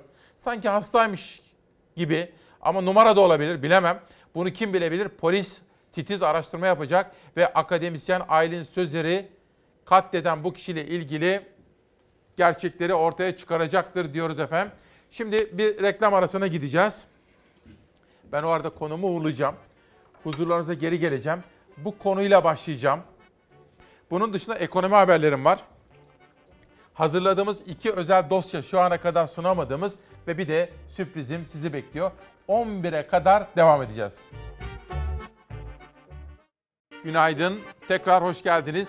30 Aralık 2020 Çarşamba sabahında İsmail Küçükkaya ile Demokrasi Meydanı'ndasınız efendim. Günün öyküsünü anlatmaya devam ediyorum. Haberleri tekrara kaçmadan ama günün kalbini sizlere anlatmak istiyorum. 3 kadın öldürüldü bugün. 3 kadın. Aylin Sözer İstanbul'da. Biraz sonra görüntülerini tekrar izleteceğim sizlere. Selda Taş Malatya'da. Evet Selda Taş. Vesile Dönmez Gaziantep'te öldürüldü. Vesile anneyi evladı öldürdü. Bu nasıl olabilir? Üç kadın aynı gün nasıl cinayete kurban gidebilir? Bu konuda konuşmamız gerekenler var. O görüntülerle ilgili sizlerden gelen yorumları da izledim. Ama bunun dışında da vermek istediğim haberler var. Bu sabah erken saatlerde sizlere yapılandırmada sürenin uzatıldığına dair haberleri sunmuştum. Ocak ayı sonuna kadar süre başvuru süresi uzatıldı. İlk taksitte Nisan ayında ödenecek demiştim. Bunun dışında pandemi nedeniyle işten çıkarmaların, işten çıkarma yasağının da yine iki ay daha uzatıldığının haberlerini vermiştim. Yeni yıl derken motorlu taşıtlar vergisi ve emlak vergisine de zamlar yürürlüğe giriyor. 2021'in motorlu taşıtlar ve emlak vergisi belli oldu. Emlak vergisinde %4.55, motorlu taşıtlar vergisinde %9.11 artış var. Her şeye zam geliyor. Yeni yılla birlikte bütün zamlar zaten birbirine karıştı. 2021 gelmeden vergi artışı geldi. Resmi gazetede yayınlanan tebliğe göre emlak vergisi %4.55 oranında arttı. Cep telefonu aboneliğinde alınan maktu vergi de 86 liraya çıktı. Motorlu taşıtlar vergisinde ise yeniden değerleme oranı 2020 için %9.11 olarak tespit edildi. En düşük motorlu taşıt vergisi 109, en yüksekse 50.107 lira oldu.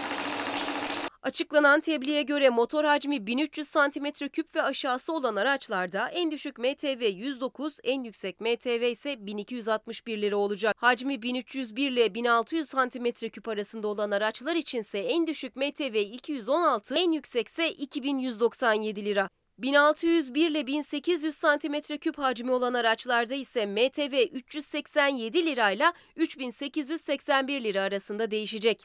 Motorlu taşıtlar vergisinin 2021 ödemelerinin ilk taksiti Ocak ayında, ikinci taksiti ise Temmuz ayında yapılacak. Bir de tarım haberi var. Sizlerle mutlaka paylaşmak istedim. Yerel gazete manşetleri dönüm noktası olsun dedik.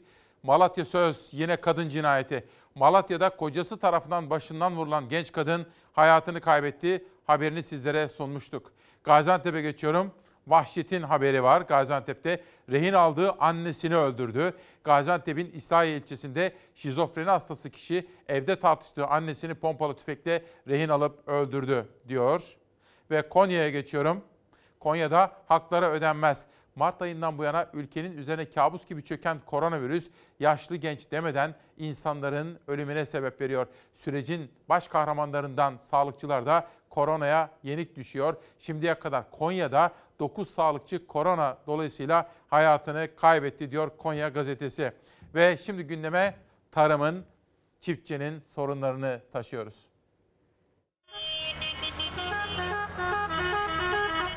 Çiftçimize verdiğimiz destekleri 12 kat artırarak Cumhuriyet tarihinin en üst seviyesine çıkardık. çiftçinin derdine merhem olacak dönemde ödenmediğini gösteriyor. Cumhurbaşkanımız dese ki bize çıkıp çiftçiler size de bir yapılandırma yaptık. Biz de gideriz o zaman işimizin başına. Herkes domatesini diker, biberini diker, buğdayını eker.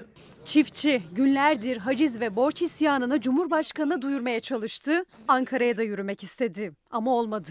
Sonunda Cumhurbaşkanı Erdoğan kabine toplantısı sonrası tarımla ilgili konuştu. Çiftçiye teşekkür etti. Verilen desteğin miktarının altını çizdi. Tarımda nereden nereye geldiğini anlatmadan önce alnı terli, kalbi imanlı, yüreği tertemiz tüm çiftçilerimize şükranlarımı şahsım milletim adına sunuyorum. Sadece 2020 yılında çiftçimize verdiğimiz destek tutarı 22 milyar liradır. Tarımsal destekler 22 milyar lira. Doğru. Ee, bütçeye konulan ödenek bu. Ama birincisi destekler çok geç açıklanıyor. İkincisi çok geç ödeniyor. Yani şu anda biz hala 2019 ürünü destekleri ödüyoruz. Yani Cumhurbaşkanı Erdoğan'ın çiftçiler için ayrıldığını söylediği 2020 bütçesi şimdilik kağıt üzerinde. Üstelik yasaya göre aslında daha da fazla olması gerekiyor. Ama hala 2019 desteklerini almak için sırada üretici. Gayri safi milli hasılanın en az yüzde biri kadar tarımsal destek alması gerekiyor. O zaman 22 milyar değil 40 milyar lira bir destek verilmesi gerekiyor çiftçiye. 40 değil isterse 140 verilsin. Eğer bunu doğru değerlendiremiyorsanız Asıl sorun orada. O bir yıllık gecikme günden güne değişen maliyet altında ezdiriyor çiftçiyi. Değişmeyen tek rakam üreticinin kazancı. Bir tek o artmıyor. Bugün patatesin kilosu 1000 liraya ben üretiyorum. 600 liraya şu anda alıcı yok. Ben de çöktüm benim de borcum var. Bir buçuk trilyon da benim borcum var. Kime borcum var? Benim tefeciye borcum var. 10 yıl ekilebilir arazi durumundan çıkıyoruz artık. Lütfen bizimle ilgilenin. Bize yardımcı olun. Geçtiğimiz günlerde Kayseri'de Amasya'da yapılan tarım kredi kooperatif eylemleri ise devam edecek. Atatürk'ün bizzat kurucusu olduğu ortağı olduğu tarım kredi kooperatiflerinin bugün çiftçiye destek olmak yerine çift- çiftçiye zulmeden onun elindeki üretim hasadını, üretim araçlarını alan bir yapıya dönüştü. Yani Anadolu'da toprağı boş bırakmak bir köyde ayıp sayılır veya onun zayıflığı olarak kabul edilir. O yüzden çiftçi her şeye rağmen üretim yapmak istiyor. Milletin canı burnunda buradaki mesajlardan bunu anlıyorum efendim. Bir de Aylin Hanım bir soru sormuş bana. Onun yanıtını da biraz sonra vereceğim. Bu arada Zeynep Oral Yaz Yüreğim Yaz isimli kitabı, öykü kitabı geldi bana. Bugün Cumhuriyet'te bir yazı dikkatimi çekti. Erken saatlerde size farklı yazarlardan alıntılar yapmıştım biliyorsunuz. Mine Söğüt, vicdanlı, adil ve özgür insan. Vicdanlı olun diyor. Vicdanlı insanlar başkalarıyla empati kurar, başkalarının sorunlarıyla da ilgilenirler diyor. Vicdanlı olmanın dışında adil olmanın gereğini hatırlatıyor. Yeni yıla girerken bence önemli bir yazı. İnterneti girip bedavaya okuyabilirsiniz efendim. Mine Söğüt.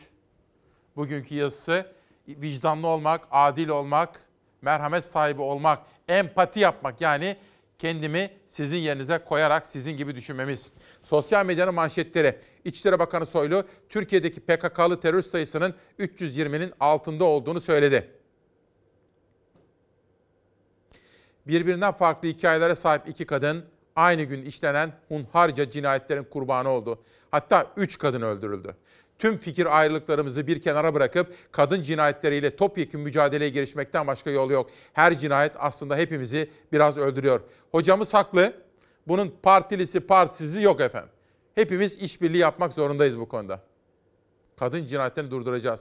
Saadet Özen, suçluyu cani diyerek istisna gibi göstermeyin.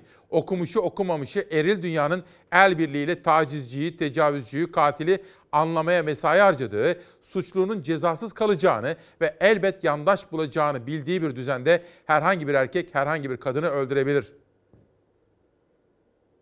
Osman Can, Anayasa Mahkemesi'nin Osman Kavala ile ilgili verdiği karar bugün Pencere gazetesinin manşetindeydi. Osman Hoca etkili hukuk yolu olmama yoluna girdi demek ki çok yazık diyor. Alınan karardan duyduğu üzüntüyü paylaşıyor Osman Can, Profesör Can. Sedef Kabaş bir soru yöneltiyor. Kaç paraya aldınız? Neden aracı firma kullandınız? Kime öncelikli aşı yapılacak? Liste ne zaman açıklanacak? Neden gecikme yaşanıyor gibi soruları sordu Sedef Kabaş. Ancak Sağlık Bakanı'nın aracı kullanılmadığına dair açıklamasını da sizlere aktaralım. Bir izleyenim de bir yeni yıl haberi yok mu diyordu. Var efendim var. İşte size meraklısına yeni yıl haberi.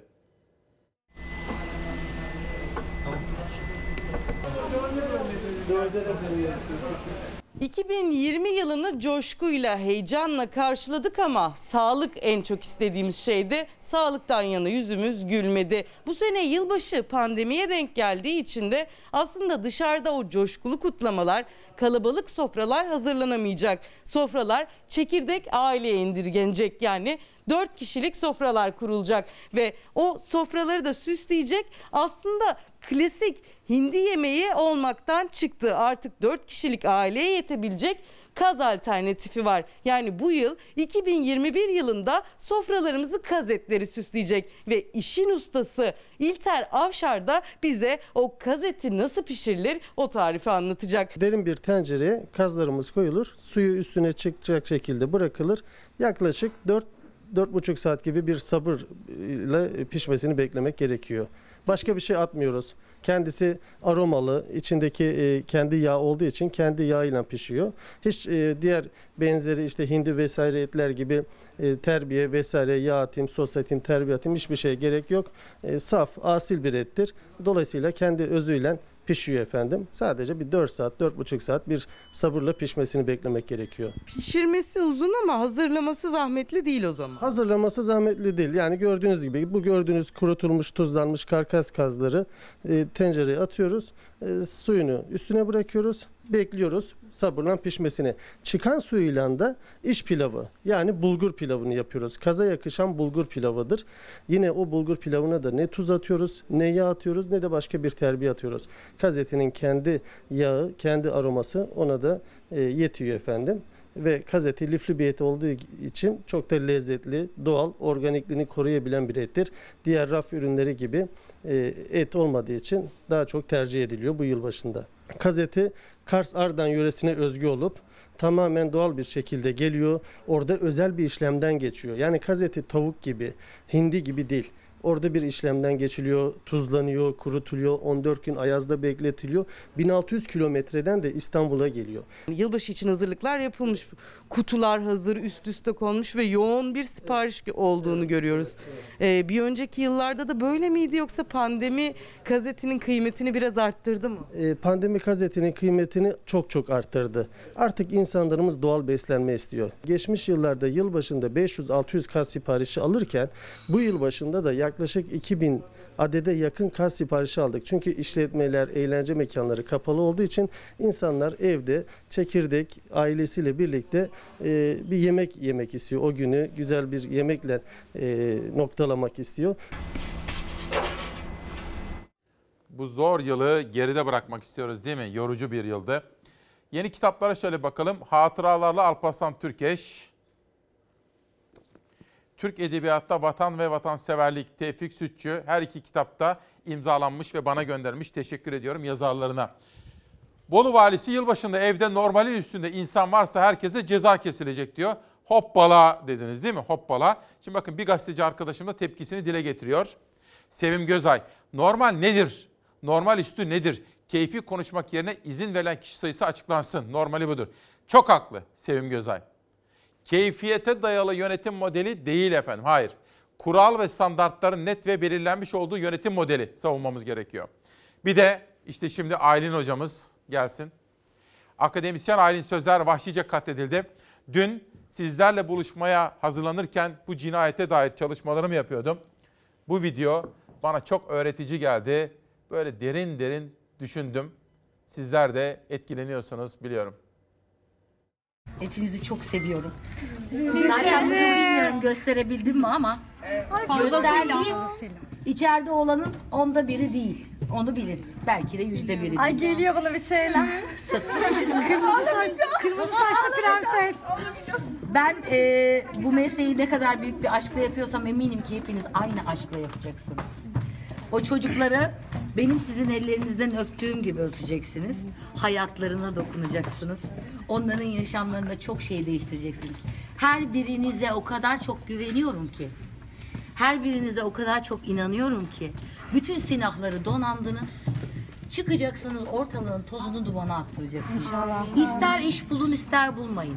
Ben hepinizin içine kocaman kocaman güzel güzel şeyler koydum. Bunun içinde bilgi var. Bunun içinde ilgi var. Bunun içinde saygı var. Bunun içinde her şey var. En çok da meslek aşkı var. Nasıl benden gördüyseniz o aşkı ömrünüz boyunca devam ettirin. Sakın unutmayın. Hayatta bir çocuğun hayatına dokunmaktan daha güzel hiçbir duygu yoktur. Ve her hayatınıza dokunduğunuz çocukta bunu tekrar tekrar yaşayın.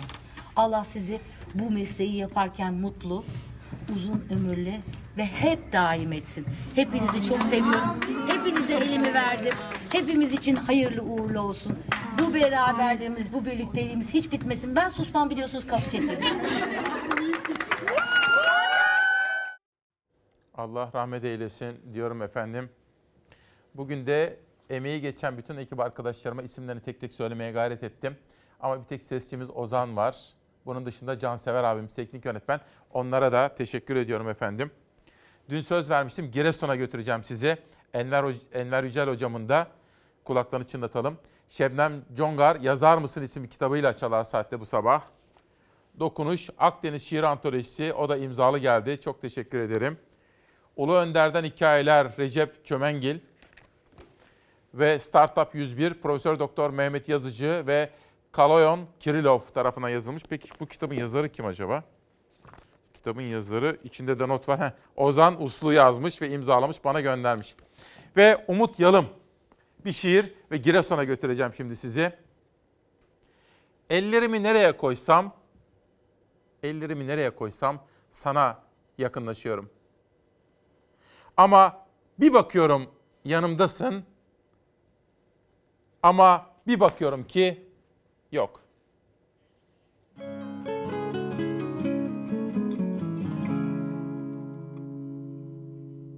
Kirasunun yükünde yükü sokak arası. Kirasunun yükünde yükü sokak arası. Altı kurşun attılar üçte bıçak yarası işte bıçak yarasına Vuruldum düştüm yere gidemem.